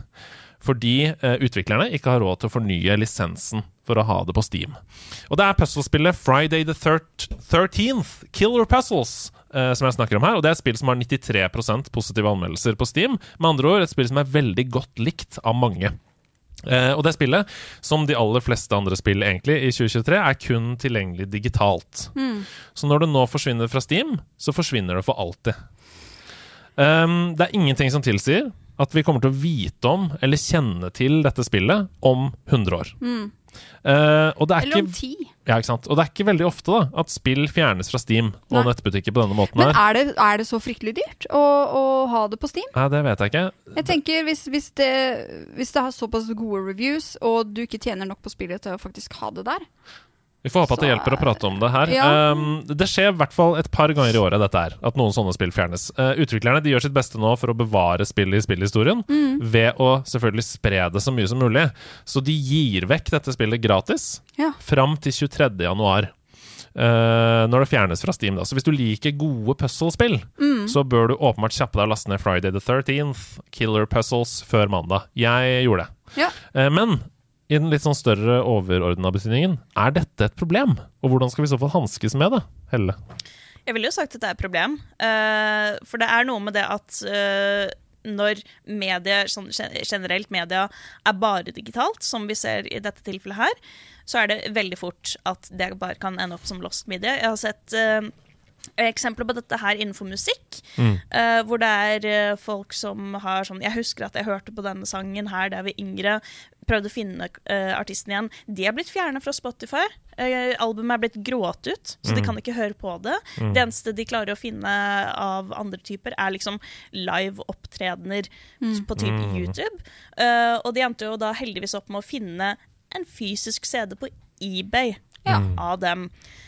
Og ja, hvis man Jeg jeg har jo vært veldig bekymret for dette. Har tenkt på mye av det med at ting er mye mer digitalt.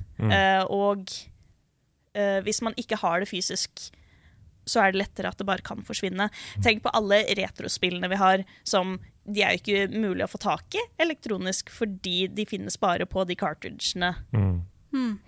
Hva tenker du? Jeg tenker at ehm, Eh, jeg vet jo sjøl fra det å være musiker at det å gi ut musikk fysisk er jo mye dyrere enn å gi det ut digitalt. Absolutt. Eh, og eh, samtidig så, så er det noe med det å forevige det, da. Det kreative uttrykket. Og spesielt med tanke på hvor mange timer og kreativitet eh, og energi som har gått inn i det å lage et produkt. Mm. Ehm, så hvordan skal man løse det? Jo, jeg tenker eh, Hvor er det vi kan eh, gå og, eh, og eh, oppleve eh, ut, hermetegn utdatert kultur? Biblioteket. Enig. Eh, få på plass et slags digitalt Ja. spillbibliotek, sånn som vi har Frøhvelv på Svalbard. Ja! Noe annet som stenger for alltid onsdag denne uka her, det er Google Stadia. Ja. Eh, Google fortsetter likevel å være good guys i denne prosessen. Det har de vært hele tiden. Eh, annonserte denne uka her at de neste uke slipper en oppdatering til alle kontrollene, som enabler da Bluetooth-bruk med alle tjenester. Mm. Og Det betyr da at du som sitter med en sånn Stadia-kontroll nå, plutselig så har du en kontroll som du kan spille på PC med, Ja. eksempel.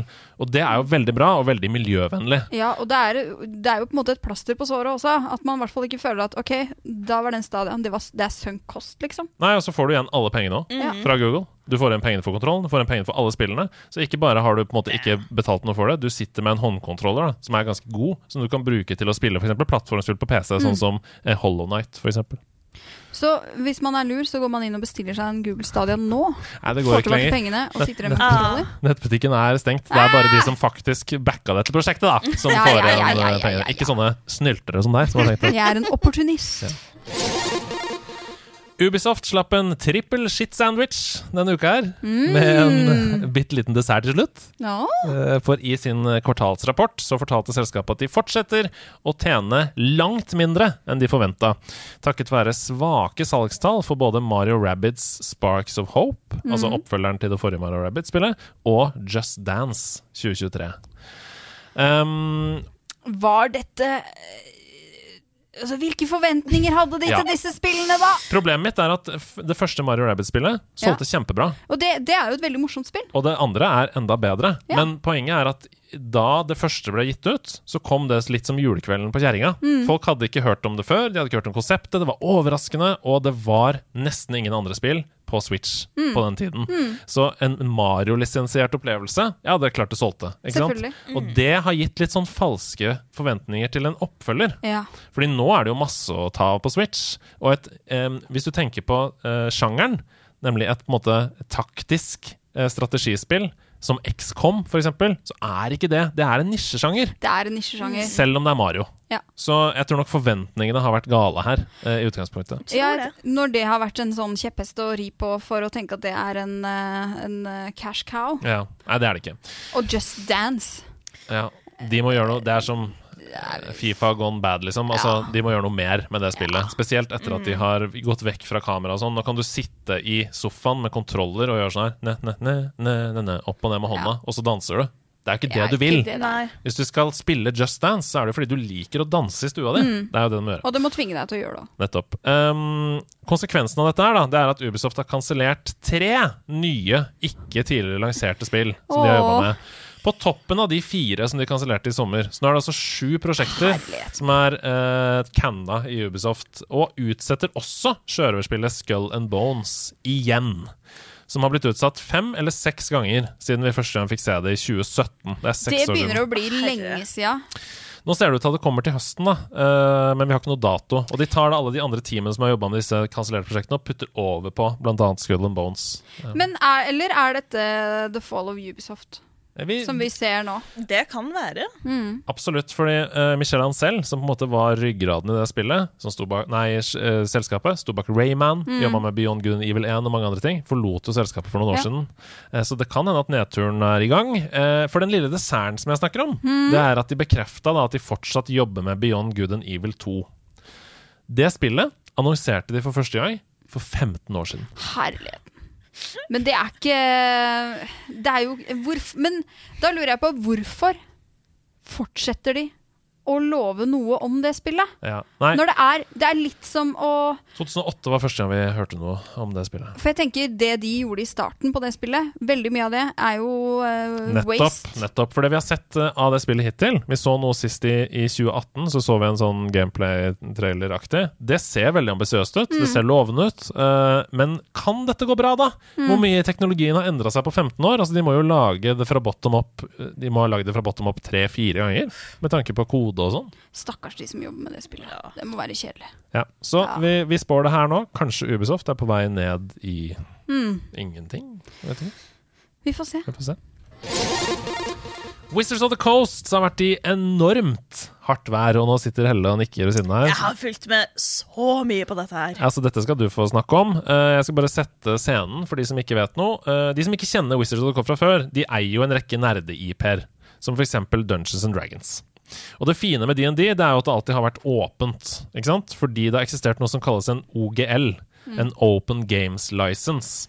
Den kom i år 2000, og det den basically sier, er at du, eh, Ida, du har 100% lov til å bruke liksom, regler, mekanikker, til å lage ditt eget DND-innhold, uten at du trenger å betale Wizards of the Coast for det. Ja. Så hvis du har en YouTube-kanal hvor du har lyst til å uh, bruke f.eks. D20, altså terningssystemet, da, uh, til å lage noe innhold, så kan du gjøre det uten å tenke noe mer på det. Tusen takk.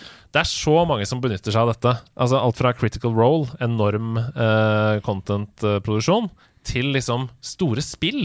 Sånn Ja. som Star Wars Kotor, for eksempel. De benytter seg av det 20-systemet i spillet sitt, og da ergo lisensen. Ikke Ja, og for eksempel uh, Time Teens Wonderland. Hvor Mm. mye DND-elementer er det ikke inni der? Og det kunne ikke vært mulig uten denne Open Games-lisensen. Men en lik avslørte at Wizards planlegger å inndra denne lisensen. Det går ikke an å gjøre nå! Nei, og i denne nye oppdaterte lisensen så kan da altså, ifølge reglene, verken content creators eller noen andre tjene penger på å lage innhold basert på reglene for Dungeons Dragons eller mekanikkene, eller i det hele tatt inspirert av universet. Da kan de saksøkes for voldsomme summer hvis de gjør det. Og det ble jo selvfølgelig en shitstorm av det på internett. Uh, Wizards de backtracker nå helt ekstremt og gjør sitt beste for å unngå denne PR-blemma. I en bloggpost den 13. januar så sier de nei, nei, nei, nei, dette skulle bare omfatte store selskaper, i gåseøynene. Eh, vi skal gjøre det umulig å lage f.eks. hatefulle NFT-er av, DND. Det var det som var poenget. Så de sier unnskyld, de lover å endre på alt og komme med en ny statement. Er det nok grådighet nå, folkens? Hva tenker du eh, om dette surret? Jeg syns at Pathfinder er et bedre rollespillmekanisme uansett, og jeg håper at alle sammen kommer til å hoppe over til det nå. altså, eh, det er jo et eh, sykt stort problem at de eh, Det er jo Harbro, eller noe sånt. Habro, Hasbro, Hasbro. Hasbro som eier Wizard of the Coast, og de har jo da bestemt seg for Det var en Ah, eh, det var vel eh, eh, hun som styrer Wizard of the Coast som sa sånn Å, vi, vi savner liksom de der mikrotransaksjonselementene som vi får i videospill. Så det er jo bare snakk om at eh, de vil tjene inn mer penger. Jeg tror det kom frem også at av Hasbro sin ting så kommer 50% av revenuen deres fra Wizards of the Coast. De er jo også Magic the Gathering. Eh, så de gjør det jo veldig bra med sånne ting er nå. Og jeg tror ærlig talt at de kanskje har skutt seg selv i foten permanent med det de har gjort nå. Eh, veldig bra hvis de you know, bare ikke gjennomgår med dette her i det hele tatt, men jeg tror at veldig mange har blitt veldig turned off av det de gjorde, og føler at hva, Hvordan kan jeg vite at du ikke kommer til å prøve noe lignende senere, når dere er så pengegriske? Nå har jo også Paizo, eh, som driver Pathfinder, de har jo kommet ut og sagt at hei, vi skal ta faktisk og lage vår egen versjon av dette her, som heter Open Role Playing Game Lansins, eller ORK. Som skal være eid av en non-profit organization, sånn at det ikke er mulig å kunne tjene på Ja. den. Og det blir et separat ting som på en måte, Det er ikke Paizo som eier det, men de funder det. Og, så jeg håper at dette her liksom, det er de som blir det nye. Nei, det er jo veldig trist for alle DND-entusiaster, og de er det mange av, eh, som nå føler sånn hva, Shit, hva skal jeg gjøre med YouTube-kanalen min hvis dette, kom, hva, hvis dette skjer, liksom? Ja, og, og, og ikke minst blir dette retroaktivt. Altså, Tenk hvor mange spill som må trekkes ja, det fram. Ja. ikke. Det, det, det går I en ikke. rettssal så kan du ikke Nei. overprøve Nei. det. Um, Men uh, selvfølgelig, man har investert uh, tid og energi i eh, konsepter fordi at man har en elsk for det som man har opplevd gjennom f.eks. Dungeons and Dragons ved, ved å lage eget content basert på det. Og det er jo et, det er jo et svik. Men Hasbro, Hasbro driver og skyter Wizards of the Coast i trynet, altså. For Ja. de har hatt et forferdelig år i Magic også. Mm. de slapp en sånn anniversary edition som kosta 15 000 kroner eller noe sånt. Som var fire kortpakker som du ikke kunne spille med i spillet. Ja. Det er bare sånn Det er bare for å tjene penger, liksom. For å appellere til de som får sånn fomo at de må ha det. Så det har vært, eh, det har vært et forferdelig år for Wizards of the Coast, for å være helt ærlig. Vi får håpe at dette ikke blir noe mer av. Nei. Nok en nydelig horisont. Vi er over i været, vi. Ja. Eh, en nydelig horisont for nye spillopplevelser denne uka. Det er to virkelige storspill som treffer oss som et godstog, og først ut er jo Fire Emblem Engage, som kommer til Nintendo Switch på fredag. Eh, Fire Emblem-serien er velkjent for fans av taktiske, turbaserte rollespill. Det er vel eh, din gate, er ikke det? Veldig. Jeg har kost meg så mye med Three Houses Mhm. og spilt det på nytt og på nytt. og på nytt. For igjen, du har turn-based, og du har Jeg får meg venner! Ja. Så det ligner jo på uh, nevnte XCOM for eksempel, fra tidligere. Uh, disse spillene de blir jo alltid godt tatt imot. Det svakest rangerte av de 16 hovedspillene som er i, i serien, ligger på 80 av 100 på Det Mm -hmm. Så det, er, det sier alt, liksom. Hvis du liker taktiske, turbaserte rollespill, og også er litt sånn svak for JRPG-estetikken, sånn fra Final Fantasy, Dragon Quest og sånne ting, så er dette innertier. Fire Emblem Engage, Nintendo Switch på fredag. Det blir bra helg. Ja, men jeg får ikke spilt det før på søndag fordi det er wrestlingshow på lørdag. Ah, typisk wrestlingshow på lørdag. Ja. Ja, hvor mye fredagstaco tør du å spise da før wrestlingshow på lørdag? Skal du opptre? Jeg skal være der som manager, oh, ja, okay, Ja, ok. men jeg skal ikke, så vidt jeg vet eh, I ringen? men Det kan hende at jeg slår til noen, liksom. Det hender jo. Oh. Jeg driver med interference, men eh, OK. Watch out, folkens. Sagene festhus lørdag 21. januar. Men kler du deg ut da? Ja. Ja. Vel, jeg føler at jeg egentlig bare kler meg i de samme klærne som jeg alltid gjør, bare kanskje med litt mer dramatisk sminke, for mye av det er jo fra min vanlige garderobe. Jeg bare har så mye sånn gøy, men jeg går jo litt inn i den karakteren også. Gøy.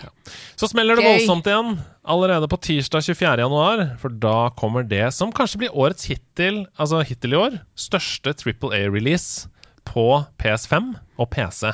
Det er Forspoken. Vi er bare i januar, da. Ja, vi er bare i januar, så, men jeg synes det var gøy å si hittil Ja, ja. uh. Eh, Forspoken er et action-eventyrspill. Det er fra Square Enix-teamet, som også står bak Final Fantasy 15. Eh, du tar rollen som en ung, helt vanlig jente som får overnaturlige krefter og blir kasta inn i en ukjent verden der hun må kjempe mot masse monstre. Eh, det ser ut som God of War møter Fromsoft, på en måte. Okay. Eller rett og slett Jedi Fallen Order, da, Ja. som jo er det. Eh, God of War møter Fromsoft. Det er noen som har vært litt skeptiske etter betaen. Det var sånn «Æ, Dette var ikke så fantasifullt som jeg trodde, og det er litt sånn en sånn trope som jeg liker veldig lite i underholdning om dagen, som er sånn hovedpersonen kommenterer i meta på seg selv. Sånn Ja.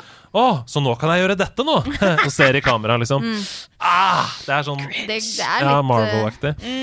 Eh, men vi får se. Vi skal anmelde det her i nederlandslaget, så får du vite hva vi syns, i hvert fall. Når jeg sier at det møter Fromsoft, så mener jeg liksom at du må dodge, du må Ja. lese angrepsmønstre og sånn for å, for å forstå hvordan du skal. Du kan ikke bare med button-mashe, da. The child gets nothing! Nothing! Mitt navn er Andreas Henemann, og dette her, det var Nerdenytt, det. What? Well, actually, surely what you're saying is a balderdash of ox's feces, sausage tissue, urine talk. On, on the contrary, no, no, no, no. I beg to differ! De nerde strides.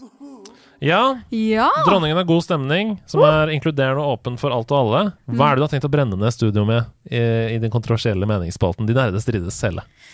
Jeg syns ikke noe om at folk eh, driver og skal spille spill på de vanskeligste vanskelighetsgradene. Jeg skjønner det ikke i det hele tatt. Dere er noen jævla masochister!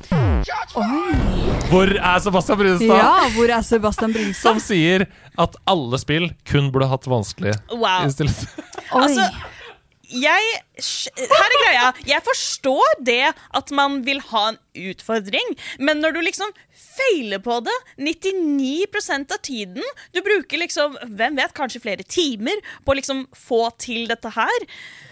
Jeg kan ikke se for meg at det føles noe bra ut når du endelig får det til. Jeg har vært i situasjoner i spill hvor det er sånn Jeg bruker så jævla lang tid på å få det ut. Jeg dør på nytt og på nytt på nytt. Og med en gang jeg da endelig får det til, jeg blir ikke glad. Nei, Jeg blir bare sur. Jeg er sånn Finally! Ja, så Du føler ikke mestring, da? Nei, jeg føler bare irritasjon. Og mesteparten så føler jeg at det er, ikke, det er ikke meningen at jeg skal klare dette her. Mm. Har du spilt noe tatt. særlig Elden Ring, eller? Nei. Nei. Jeg holder meg inne, det er god grunn. Igjen, der har, der har du mannen min. Han er sånn uh, som spiller ting på veldig vanskelighetsgrader og sitter der, og jeg hører jo bare masse raging, og så er jeg sånn Hvorfor spiller du dette? Og han sier fordi det er gøy! Det, det, det, det, det, er, eh, det, det er den lyden jeg også lager når jeg har det gøy. Jeg liker det! Jeg, jeg syns det er skikkelig trivelig! Nei, men eh, Sebastian, hvis du hører på, nå skjønner du at disse menneskene fins. Ja. Det er ikke alle som syns det er gøy å prøve og prøve og prøve, og prøve, og så klare det. Det er Men noen som har en- lyst til å prøve et par-tre ganger, og så klare det. Men en, en ting er at folk gjør det, og jeg er enig. Jeg er enig at uh, uh, Ja, greit, hvis dere vil pine dere sjøl. Ja, jeg, dere er rare. Eh, men hvis man skal prøve å gjøre det til en kred-ting, da blir jeg veldig irritert. Hvis det er sånn Nei, men du må jo mille ned på en vanskelig Å ja, så du har spilt det på lavere vanskelighetsgrad? Oh, ja. ja. Ok, men men ja. da er du ikke noe Da har jeg ikke runda spillet. ja, For det syns jeg er også Du irriterende. har ikke gjort det på ordentlig. Ja, At man gatekeeper, liksom. Men la oss snu det rundt da og ta djevelens advokatrolle Ja. her. Eh, Hvorfor vil du fjerne dette for de som liker det? Hvorfor vil du nekte andre Hvorfor vil du Hvorfor, å og spille hvorfor på vil sin jeg egen måte? nekte andre å torturere seg selv? Hvorfor Å, vil jeg nekte andre å ikke rage hele tiden? Dette her er en mercy killing! Ja, så du tenker rett og slett at du, du får ned nasjonens blodtrykk. Mm. Du tar folkehelsa på alvor. Hvordan skal Nintendo og PlayStation sånn, eh, tjene penger på konsoller? På kontrollere, hvis de eh, For ikke snakke om TV-industrien. Eh, skjermer Men her har du meg, antikapitalist. Mm. To hell with them. Ja, ok, ja. Nei, jeg skjønner hva du sier. Um, Men hva med de som kjenner at de trenger et sted for å få utløp for aggresjon? da? Da begynner dere med wrestling. Aha. ok, så folkens. eh, Helle har lyst til å Er det lov å faktisk skade noen i wrestling? Du skader dem jo. Alle får masse. Vi får vondt, vi får blåmerker. Det er bare det er skader som du kommer deg fra Ja, ok. ganske greit. Ja. I nederlandslaget så er vi veldig opptatt av at alle skal få lov, lov til å spille akkurat sånn som de vil. Men Helle tenker at for folkehelsen, for, for raging på internett, Ja. Mm. for toxic oppførsel online, så har vi godt av å fjerne den vanskeligste vanskelighetsgraden. Er du enig eller enig? Send et brev til eh, God morgen Norge, 5020 Bergen. Eh, Helle.no. Helle.no.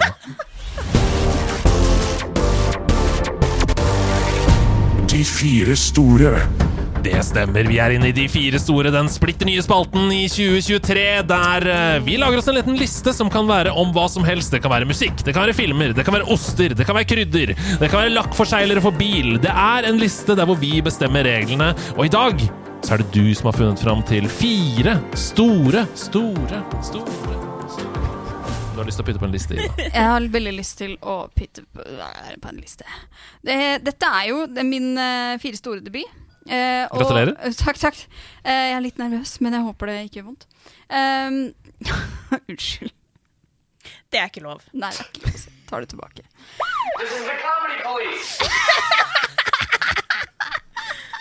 Du er arrestert. Takk. Jeg soner min dom. Jeg kjenner straffskyld. Ja. Ber om tilgivelse.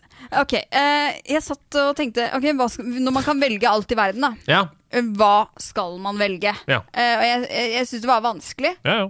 Eh, men jeg, av en eller annen grunn, gr grunn så tenkte jeg dette er jo en mulighet for å, å bringe inn litt uh, musikk ja.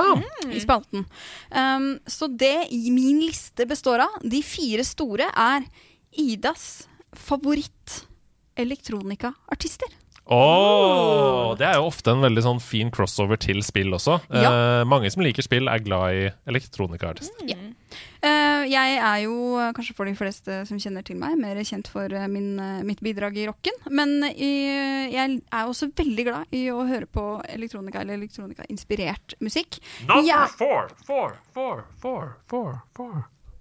Det er bandet Jango Django. Django Django, ja. Ja. Django Django. Dobbel Django der. Dobbel Django.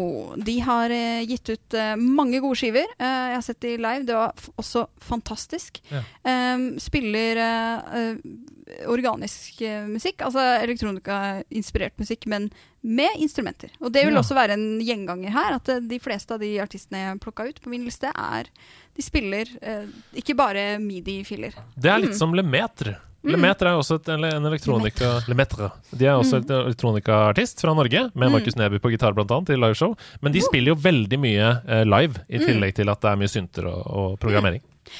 Nummer tre. tre, tre, tre. Der er du jævlig god på den derre uh, ekkosaken der. Det er uh, den uh, Jeg mener de er franske. Uh, de heter i hvert fall Justice. Og de har altså, Justice. Ju, oui, c'est justice. Uh, alltid en slager på fest, spør du meg. Uh, får meg alltid i godt humør. Nydelig å lytte til i de fleste sammenhenger. Eh, liker eh, veldig godt eh, den skiva med eh, Cross. ja. Det, der var det et kors på coveret. ja, men de har det på flere, vet du. Ja. Men det er den, den skiva som har Civilization og Ja. audio Ja, on, on. Eh, ja, for det er den som kom etter Cross, ja. Men Jeg tenker på den mm. Part 2 og DANCE Mm. Ja, og sånn. Eh, Jeg- Genesis og sånn. Ja, jeg er også nydelig skive. Ja. Til nummer to. To Ratatat. Oi, Ratatat! Ja. Åh, Nydelig! den er altså, Og eh, de har gitt ut så mye god musikk. Anbefaler det. Og du har jo klassikeren Wildcat med Eller Jeg vet ikke. Ratatat er veldig gøy. Uh, og veldig sånn eksempel på kreativt overskudd. Og bare sånn, Her er det noen som koser seg med å lage musikk. Mm. liksom Det hører du gjennom. ja Videre, det som da måtte bli min nummer én. Førsteplassen! Det beste! Den største! De fire store. Den svenske elektronikaduen The Knife. Eh, vokalist eh, eh, Hva er det hun heter? da? Karin Dreyer? Er det hun? Mm, Ja. mm. ja. Eh, har jo vært en av mine absolutt uh, vokalhelter. Eh, måten hun eksperimenterer med lyd, med kjønn, mm. eh, i vokalen. Og eh, jeg syns tekstene er dritkule. De har så sinnssykt mye kule låter og uh, lyd. Uh, det soniske. Uh, Mm. Jeg elsker det. Jeg syns det er um, Det står seg. Og ja, bare, det er bare fantastisk. Det er Hadde du, hørt ut. om, hadde du hørt om noen av disse, Helle? Nei, jeg er ikke så veldig stor på elektronika eller uh, og den type musikk. Det går gjerne hovedsakelig i metal og 90-talls eurodance. Ja, men, men da liker du jo melodisk musikk, da. Jeg gjør det. Ja. Altså, jeg hører jo på Infected Mushroom, liksom, så jeg liker Mm. noe sånn eh, elektronika og sånt nå, men jeg bare Det er ikke en sjanger jeg egentlig har prøvd meg så mye i, egentlig. Her har du noen hotte tips. Fantastisk. Tusen takk for en nydelig liste, Ida. Bare hyggelig. Fra en musikalsk utfordring til en helt annen.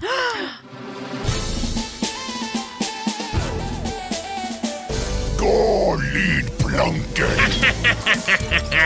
Dere små landkrabber som er på mitt sjørøverskip, kom deg ut på lydplanken. Men jeg er jo bare Sunniva Ja, men jeg er kaptein Gravetann som er på denne sjørøverskuta. Skurveskutta? Skørveskuta. Det er nemlig lisensiert. Sjørøverskuta har jeg ikke lov å si, så skørveskuta. Eh, I går lydplanken så skal vi spille av spillmusikk. Jeg heter Gunniva fra Arendal, ikke Sunniva fra Kristiansand. Ja, jeg er da uh, Jeg er da Gravetann fra Sarendal. Nei, men uh, dere skal konkurrere mot hverandre i spillmusikk. Når dere skjønner hvilket spill musikken kommer fra, så må dere rope navnet deres øh, og svare da tittelen på spillet. Og så er det sånn at selv om man er helt øh, blank i bøtta på spillmusikk, så kan man klare det øh, å vinne likevel, for det er et oppfølgingsspørsmål knytta til hvert spill. Er det det er, kode her? Nei, ja, det er en fellesnevner også for alle spillene, så man også kan forstå sånn oh ja, hva er det fellesnevneren mellom dette? Så vi begynner vi med den første oppgaven. Rop navnet deres når dere vet hvilket spill vi skal til.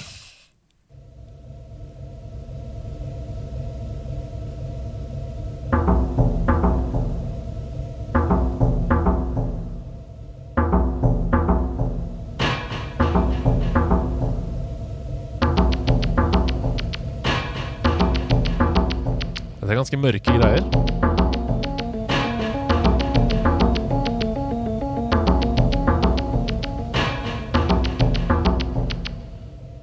Det er noe samtidsmusikk her.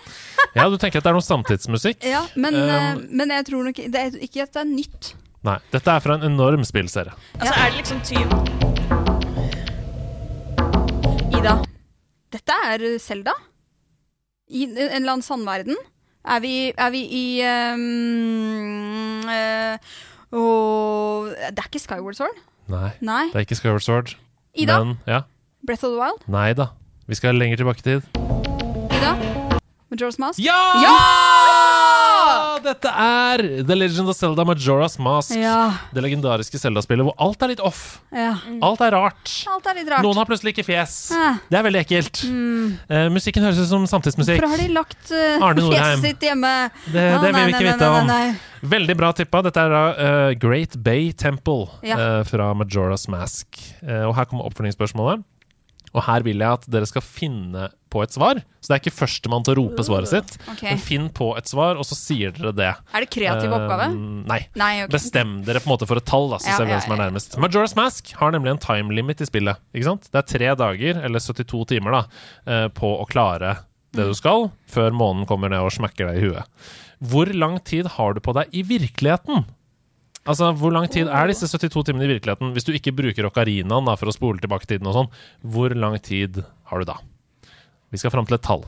Er det typ Eh, og bestem dere nå, sånn at dere ikke påvirker hverandre. Ja. Jeg vil ha et antall minutter. Det er det jeg vil ha. minutter? Ja, ok. Ja. Da må jeg regne litt. Jeg jeg simulerer en klokke for å si noe om tid. Ja. Uh, jeg er klar. Ida har bestemt seg. Ja, tror jeg har en, jeg også. Da sier vi deg først, Ida. 120. 120. 90.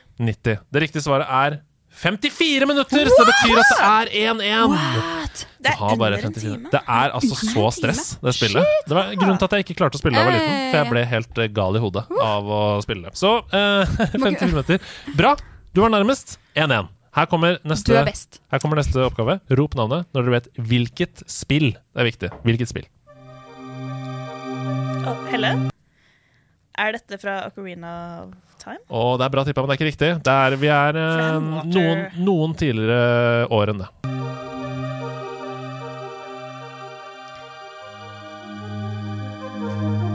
Ida? Er, er, vi, er vi i Selda-verden? Nei. Nei. ok. Dette er en av mine favoritt-soundtracks fra et spill noensinne.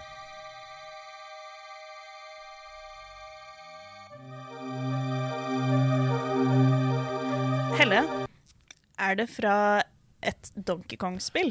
Det er riktig! Det er helt riktig! For det er når han driver og svømmer Ja, det er helt riktig! Men hvilken av dem? Er det Donkey Kong Country? Ja! Du er best. Veldig, Du er veldig best. bra! Donkey Kong Country! Country!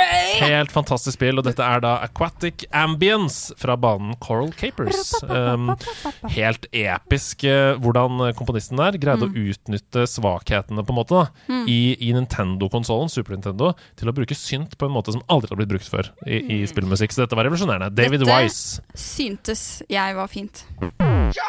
Helt feil uh, å si. Uh, ikke noe shots fired i det hele tatt. Ja. I'm impressed!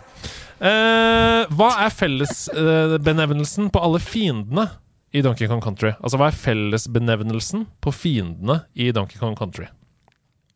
Her eh, er det førstemann til å svare. Er, det liksom, er de alle reptiler? Jeg hører ikke at du sier navnet ditt. Ida? I, det var veldig likt. Helle. Ja, jeg, jeg gir det til Helle denne Jeg gjør det. Er det det at de alle er reptiler? Nei da, de har et navn. Og. Er Vil du svare, Ida? Ida, de heter Mister. Det heter, de heter ikke Mister. Det gjør de ikke. Mister med Dister. Det er fellesbetegnelsen på alle. Jeg har ikke spilt noe Donkey Kong, jeg. nei, det er svakt. Ja. Uh, kom deg hjem og gjør det. Det ligger på Switch. Ja, Donkey ja, Kong ja. Country ligger i den online-løsningen. Veldig bra spill fortsatt. Holdt seg. Uh, dette, dere ser ut som to blanke ark, så jeg bare sier det. Det er Kremlins. Ja. Kremlins Ah, som er riktig svar. Og det betyr at det er 2-1. Er det Creature Gremlins? Uh, mulig. Det betyr at det er eh, 2-1 til Helle før vi skal inn i den tredje og siste oppgaven. Du er best, Helle, men nå tar jeg det. Ja, for her er det mulig å få poeng, både Mm. for spill, for oppfølgingsspørsmål og for fellesnevner. Å, Så ja. det er masse å spille om fortsatt. Oh. Her er siste oppgave.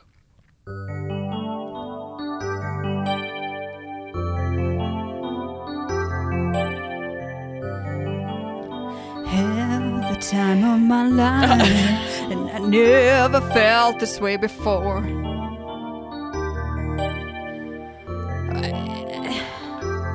Og så kommer melodilinja.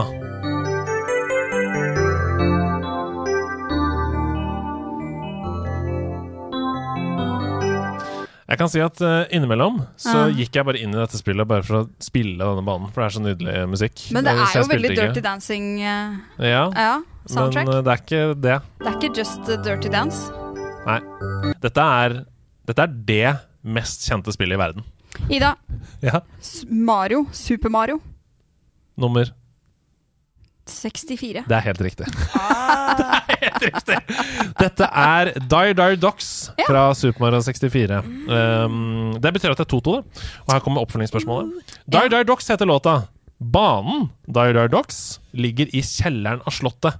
Rett før andre Bowser-level. Men låta hører man faktisk i en annen bane tidligere i spillet.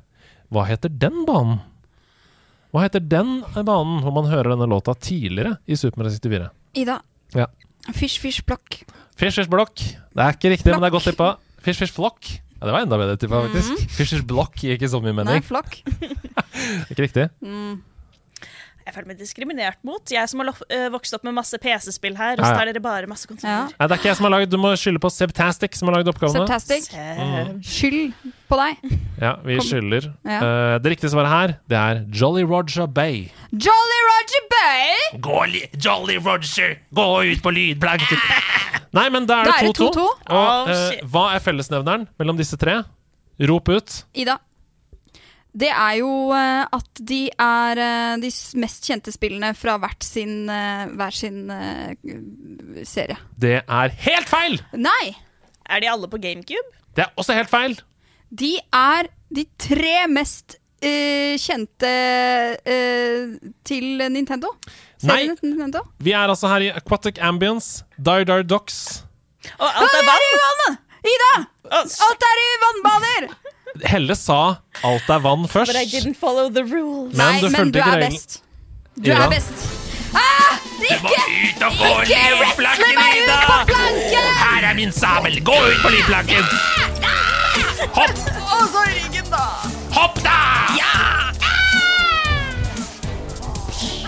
Det er veldig bra. Hva syns du om- Radioteater hva er sponset av Nerdelandslaget. og Mills. Hva syns du om radioteatret vårt?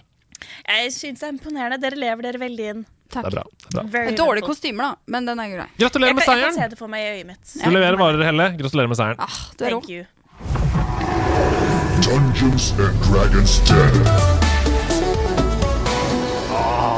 Vi er inne i Dungeons and Dragons Den, også en helt kliss ny spalte, der hvor vi fra uke til uke finner altså én av vi tre programlederne på en spilltittel, et spillkonsept, og i episoden så må vedkommende pitche dette spillet til oss andre som sitter her.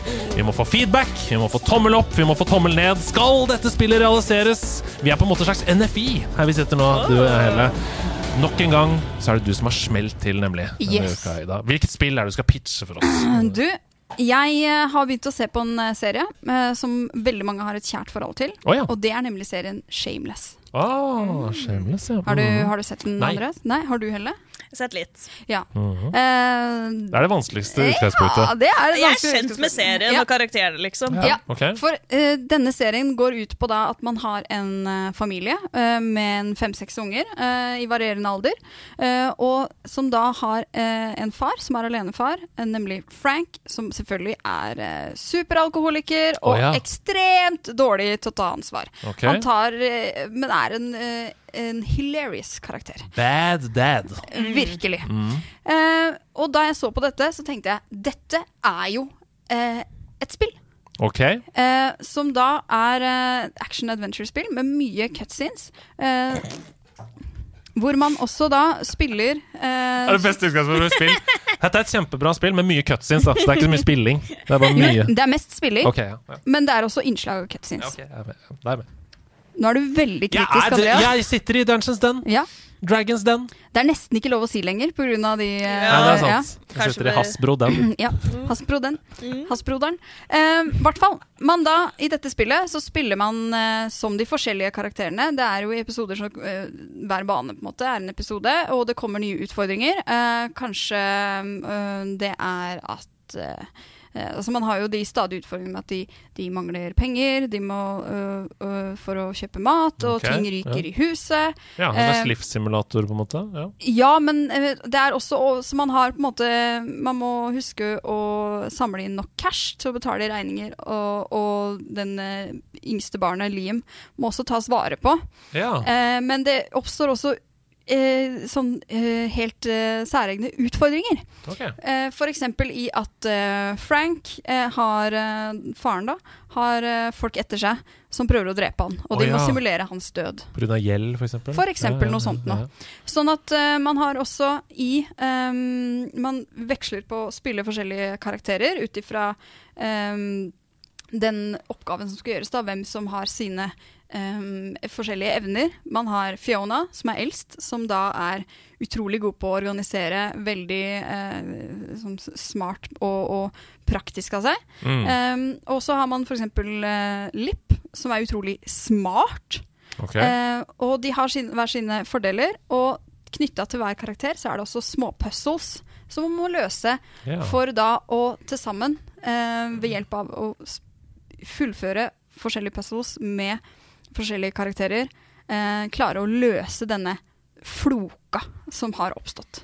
Ja, så det er litt sånn The Lost Vikings her også, Blizzard-spillet. Det er litt sånn GTA5. Altså du skal bytte mellom karakterer når du trenger ulike egenskaper. da, for eksempel, for å komme deg Hva tenker du, Helle? Nå skal vi sitte her og diskutere denne pitchen. Har du lyst til å spille dette spillet? Eh, For meg eh, så tror jeg det har litt å si hvordan looken er, egentlig. Mm. Um, for igjen, jeg er veldig glad i PC-spill. Jeg er veldig glad i liksom RPG-settingen. Mm. Tenker du at det skal være en fin sånn inventory screen på det hele? Tenker du at skal spillet være uh, mer sånn realistisk design, så naturekte som mulig, eller skal det være stylized? Det skal være stylized. Mm. Mm, mm. Det, det appellerer til deg, Helle. Mm. Det appellerer veldig Og til man må ha et inventory som at man plukker opp forskjellige ting Ja. eh, underveis som man trenger til å fullføre Mm. diverse quests. Kan du f.eks. da plukke opp en lommebok for den ene karakteren, og så uh, har du inventory-oversikt, sånn at du kan bruke den med Ja. den andre karakteren? Ja. For det liker jeg. Da blir man på en måte en interaktiv tredjepart som står på siden. Ja, jeg tenker umiddelbart at har du snakket med eh, rettighetshaverne bak TV-serien? Det har jeg. Ja. Så du har fått uh, lisensen? De ser en mulighet her til å få flere til å oppdage Shameless-serien, Ja. fordi at den uh, får, Rett og slett gi det en ny revive, da. Ja. Som investor så er dette et veldig godt grep. For det vet jo jeg da, at det allerede er en fanbase som ligger der, som kommer til å kjøpe spillet. Og jeg tenker jo kun kapitalistisk, selvfølgelig, som investor. Så jeg kommer til å få igjen min investering ved å se på det. Men kunstnerisk Jeg liker noen grep her, mm. men det er, jeg er helt, for at jeg skal si tommel opp og gå inn i dette prosjektet, så vil jeg at du skal ha med deg regi, produsent fra Shameless inn i produksjonen. Uh, det er allerede på plass. Med det premissene så sier jeg tommel opp. Hva med deg? Jeg er med på det. Nydelig. Gratulerer! Du har to tomler på Shameless. Veldig lurt grep å bare gå for noe som fins. Ja. Det, det skal jeg merke meg. ja, Eh, Men det legger også et press på meg, for jeg tenker det kan ikke jeg gjøre neste gang. nei, det er sant. Nå har Nei. du på en måte spilt det kortet. Nå har jeg spilt det kortet. Ja. Det Jeg er bra lagde du utfordrer deg. Ja, ja, jeg må, må det. Men, jeg, men jeg, det var noe med den serien. Når jeg så det, så tenkte jeg dette er et spill. Ja. Ja. Jeg liker også den der sjøflingen mellom karakterer. Bra jobba, Ida. Takk. Eh, to tomler inn til Paper på nettsiden. Så du skal da putte to tomler på Ida. Hva, ikonet hva, hva kan jeg cashe inn tomlene med? Du kan få 10 000 tommeltotta.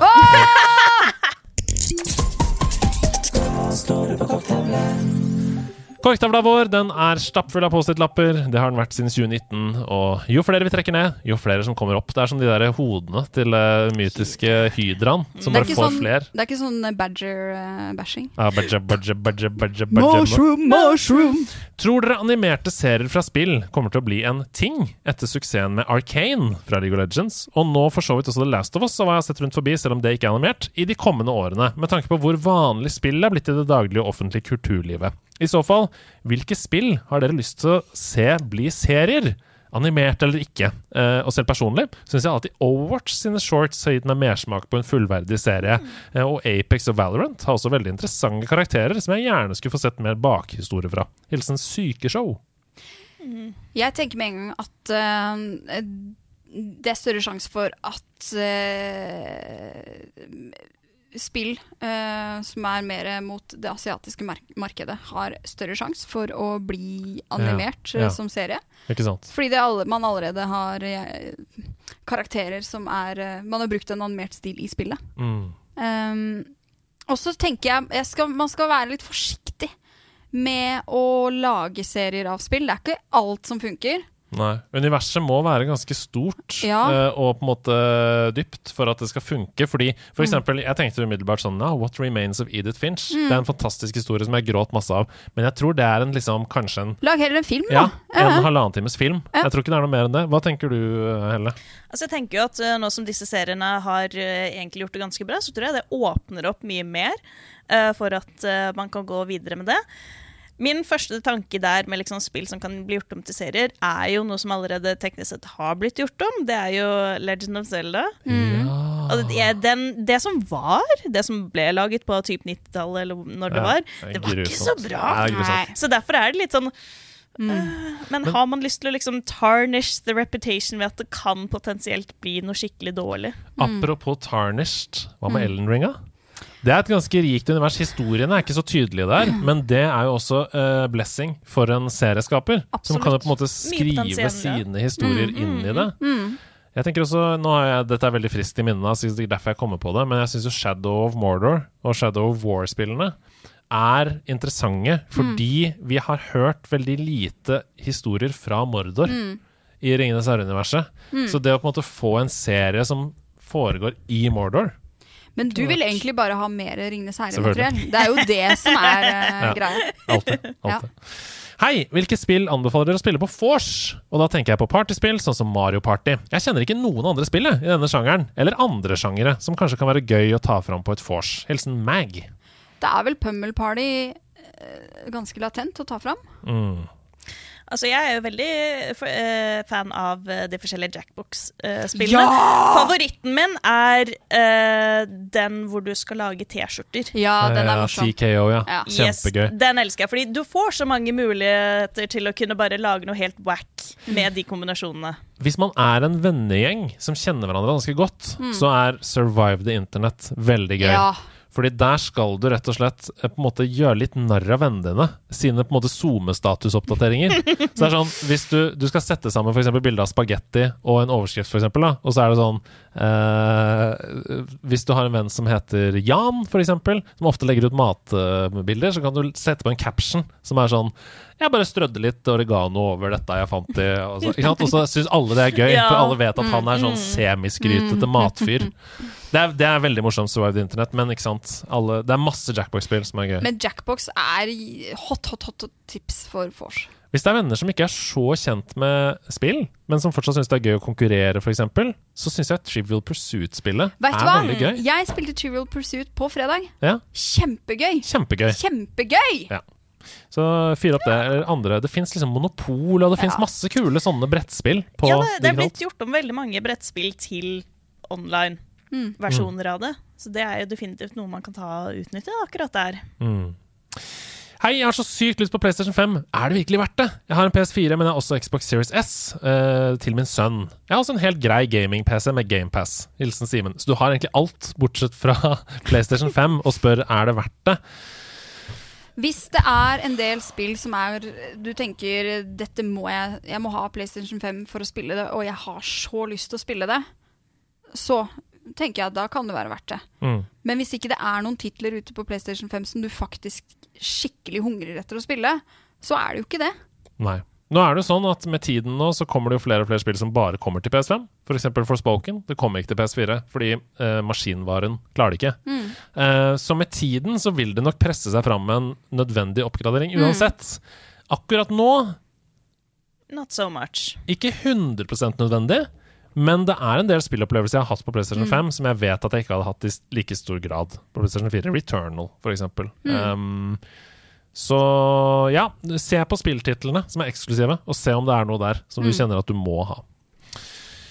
Vi, jeg ser at klokka går, men dette er så fint at vi må ta det på alvor. Uh, etterlyser en skikkelig prat om gaming og avhengighet. Og kanskje spesielt de spillene som trigger en fomo hos spillere, der hvor de blir låst fast i en loop av daily quests, weekly quests og double XP weekends.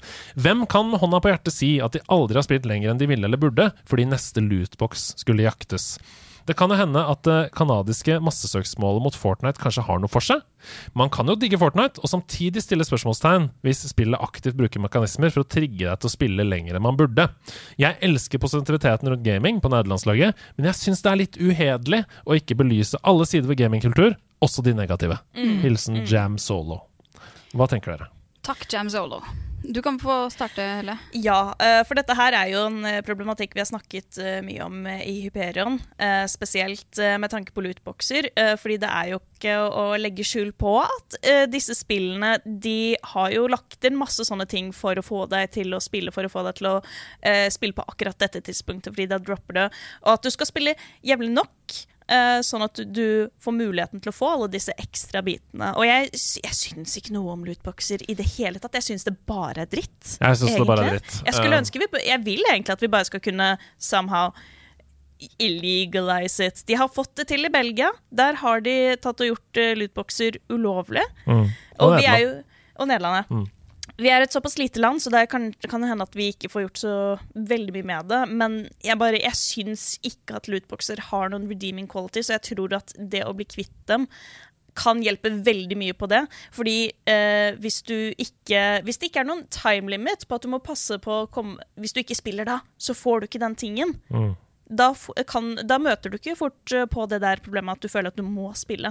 Da er Vi det har snakka vi har snakket om det i nederlandslaget før, at uh, det er ikke nødvendigvis eh, penger som er den nye valutaen. Det er oppmerksomheten din. Ja. Uh, du ser det på apper, du ser TikTok, Mm. som åpenbart er bygd opp for at du skal fortsette å scrolle. Holde Mm. deg så lenge som mulig på plattformen. Og uh, disse spillene som blir game as a service, det er Mm. det de prøver på også. Å Mm. holde deg der så lenge som mulig. Sånn at de etter hvert, da, når vi blir mer og mer digitale, f.eks. kan eksponere deg for reklame for andre produkter. Ikke sant? Mm. Og sånne ting. Og, og si til investorer se hvor mange minutter spillerne våre spiller. Ikke sant? Alle sånne ting. Um, så jeg er helt enig. Jeg syns at måten de løste det på i Overwatch 1, var helt fin. Um, ikke noe vanskelig å få en lootbox. Altså det å, å bare vinne en kamp eller to, så gikk det opp i level, fikk en lootbox. Alt som var i den, var eh, kosmetisk. Det var Ingenting som ga deg noen fordeler. Eh, og det var veldig lett å få bra ting. Altså, um, det var alltid liksom et legendary eller epic eller sånn i det. Og jeg hadde aldri noe behov for å kjøpe noe der. Samtidig så utnytter det jo de svakeste Mm. i samfunnet. ikke Mm. sant? De som ikke ønsker å vente, de Mm. som er utålmodige, de som ikke uh, har Ja, som sliter med uh, tendenser til spillavhengighet, f.eks. Um, det blir økonomisk ruin. Og sannheten er at det er noen få som tjener inn ekstremt mye penger for Mm. Altså, det er noen få som bruker hundretusenvis av kroner, da. Mm. um, som har et problem, Mm. ikke sant? Så uh, jeg er veldig glad for spørsmålet. Uh, og så vil jeg også si til Jam Solo at jeg syns vi i nederlandslaget er ganske flinke på å snakke om de negative sidene. Vi eh, bannlyste Diablo Immortal da det Mm. kom, og ville ikke snakke om det i nederlandslaget, eh, annet enn at vi mener at det ikke bør være lov i Norge. Eh, vi har gitt ut Sidequest som heter Spillbransjens seks store utfordringer, eh, hvor vi bruker flere timer sammen med eh, journalistene Erik Fossum og Audun Rodem på å gå gjennom alle de negative sidene. Så vi er veldig obs på dette, altså. Og selv om Mm. vi er entusiaster og snakker positivt, så er det absolutt viktig at vi snakker om medaljens bakside, for ellers så kan vi ikke forandre den. Enig. Så det skal vi fortsette. Hva tenker du, Ida, om lootboxer og avhengighetsskapende spill? Eh, eh, det jeg har merka mest på, er jo faktisk de spillene som har vært eh, sånn som eksempel Egg Inc. Ja. Hvor det er sånn Å, nå så er det en eller annen event eh, som Mm. gjør at du du har dobbel XP eller bla, bla, bla. Som gjør, holder deg mye lengre, og som også gjør at du ser på flere reklamer etc. Um, og i retrospekt så er det jo sånn ah, dritt. At Ja. jeg har brukt masse tid, unødvendig tid på det. Mm.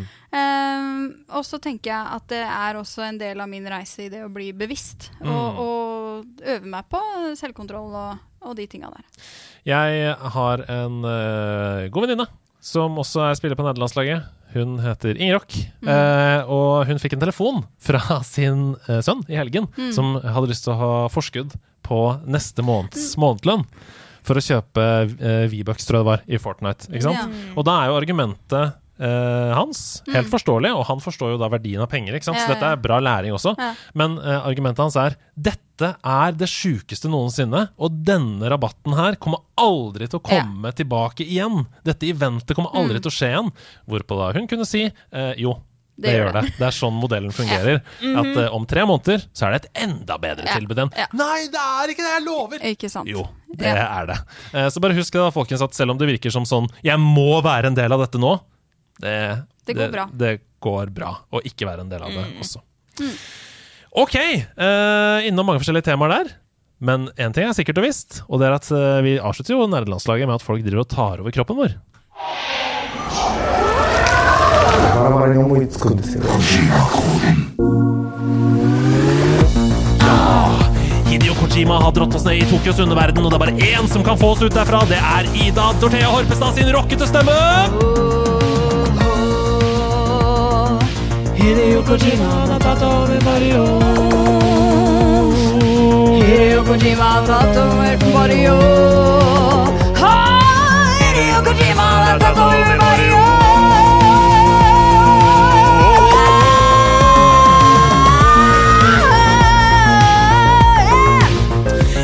Kojima er fortsatt en del av nerdelandslagets univers. Vers, vers, vers. Han, han henger rundt her. Som en, vi snakka om Luigi's Mansion i stad. Jeg tror Hidio Kojimas ghost på en måte Han er her, våker den er over her. oss eh, nesten hver uke. Eh, Passer på oss eh, her i Lukter nerdelandslaget. grann fis. Ja. Og det er det det skal, det. Når det er noe på ferde. All right. Har du lyst til å begynne, Ida? Ja, jeg er ikke så fornøyd med koden, men den er det der. Dette er altså en rebus hvor vi må skjønne hvilket spill det er Ida tenker på som har gjemt seg i Kojima-koden. Tikk takk, rød og blå. Hva står på lappen nå? Vi gikk inn som venner, nå er det ikke lenger stemmer. Det lukter godt, men ikke hvil. Neste bestilling er god på glid. Ja, dette var ikke så Ok, rødt og blått. Tikk takk. Vi gikk inn som venner. Ja, det høres ut som noe sånn at Det høres ut som et eller annet som er sånn eh, veldig kjent for at uh, det blir dårlig stemning når Mhm. man spiller. Det første jeg hørte da jeg hørte en tikk takk og rød og blå, da tenkte jeg sånn fire på rad. Slippe, Ja. slippe oppi en sånn uh, Hva heter det sånn derre Grid Jeg, jeg ja, noe sånt ramme, nå. liksom, Ja, hvor du slipper de røde og blå oppi. Men uh, så var det så veldig mye annet med mat som lukter og. Gikk inn som venner. Jeg tror nok at TikTok kanskje refererer til en Ja, ja. Rødt og blått er to lag. Ja. Kanskje det er overcooked vi snakker om? Det er mat som lager rødt og blått to lag. Klokka går, vi gikk inn som venner, og så roper man Hei, kutt salat! Ta oppvasken, da, for faen! Og så klikker, klikkes det. Så får man sånn PTSD fra dagliglivet. Ta oppvasken. Nei, nei, nei. Jeg Føler du på ja. det? Ja. Den uh, Skal vi svare overcooked? Ja, det syns jeg. Det er helt riktig. Oh! Dere er gode! Dere er gode! Men jeg var inne på Tic Tac Toe, Ja. så det var ikke langt unna at vi holdt på å være helt på ville veier. Det var du som dro meg inn igjen. Veldig bra. Tusen takk, Helle. Ja. Ja. Det var en ledd to, men jeg, jeg er litt flau i dag. Jeg Ja, syns ikke det holder nivå. Vet du hva? Jeg syns du skal uh, embrace the embarrassment. embarrassment. Tell ned fra ti, så pulsen kan gå, kan gå ned fra 209. Det er din venn som sitter i ermen, selv om knivene fektes i kjøttet på skjermen. Kjapp deg nå, drit i fisken, kjøttet går, fiks den biffen. Nei, det var jo kjempebra! Ledd to var litt bedre enn det. Syns var- er litt for hard på deg sjæl, altså. Ja, Ledd 2 var jo kjempebra. Herlighet, der var du altfor hard. Ok, dere. Slå hodene sammen Dunk. og prøv å forstå min Kojima-kode. Med skjold og med sverd skrider jeg av sted. Og selv om jeg minner om Link, er jeg en helt annen art enn det. Med skjold og med sverd skrider jeg av sted. Skrider. Og selv om jeg minner om Link, er jeg en helt annen art enn det. Ok, så minner om Link. Jo, jo, jo, jo, jo. Jeg vei, jeg har en følelse. Okay. Men det er ofte når jeg får den følelsen, men jeg vet det, så er det helt feil. Hva tenker du? Tunic. Fordi det var jo eh, et spill som man har på en måte sagt er litt sånn som Selda. Eh, og, men det er jo Er ikke det en rev eller noe sånt nå? Og ikke, ikke et slags uh, menneskelignende vesen. Det kan jo være. Hva, hva føler du? Er du med, eller fikk du noen andre Nei, jeg prøvde å rack my brain på den Mm. link-sammenligningen der. Og prøver sånn, ok, hva ligner på? Hva, Mm. hva vil det si i så fall? Er det, er det liksom Er det det grønne det er Mm. snakk om, eller er det Mm. den unge helten? For i tunic så har han en sånn grå Nei, grønn tunic. Skal vi prøve det? Ja, det syns jeg. Vi svarer tunic. Jeg må pøsle og fighte Ja. og forstå et uforståelig språk. Navnet på mitt spill er også noe du kan putte på din kropp. det er helt riktig! Det er tunic! Der er du sterk! Takk! Der er du sterk! Men det var en god kode. Det var en god Ja, kode. der er du sterk. Det er veldig veldig bra jobba. Eh, Og det betyr det at dere får to poeng som dere kan bruke i Korv-Jima-boden til sommeren. Da blir det pølser, relish, Å ja. sennep. Mm, Fint eller grovt brød? Grovt. Grått. Å, begge er på grovt! Ja, ja, ja. Jeg har svart fint uten å mukke. Mm, oi. Men jeg liker jo ikke mukk heller, da. Så. OK! Og med det har vi kommet til veis ende. Tusen takk for at du møtte opp og var så nydelig gjest, Helle! Tusen takk for at dere fikk ha meg her. Det har vært veldig koselig, altså. Ja, så gøy.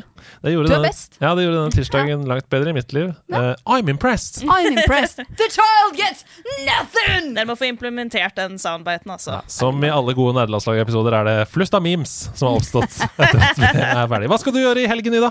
Jeg skal eh, spille Trivial Pursuit.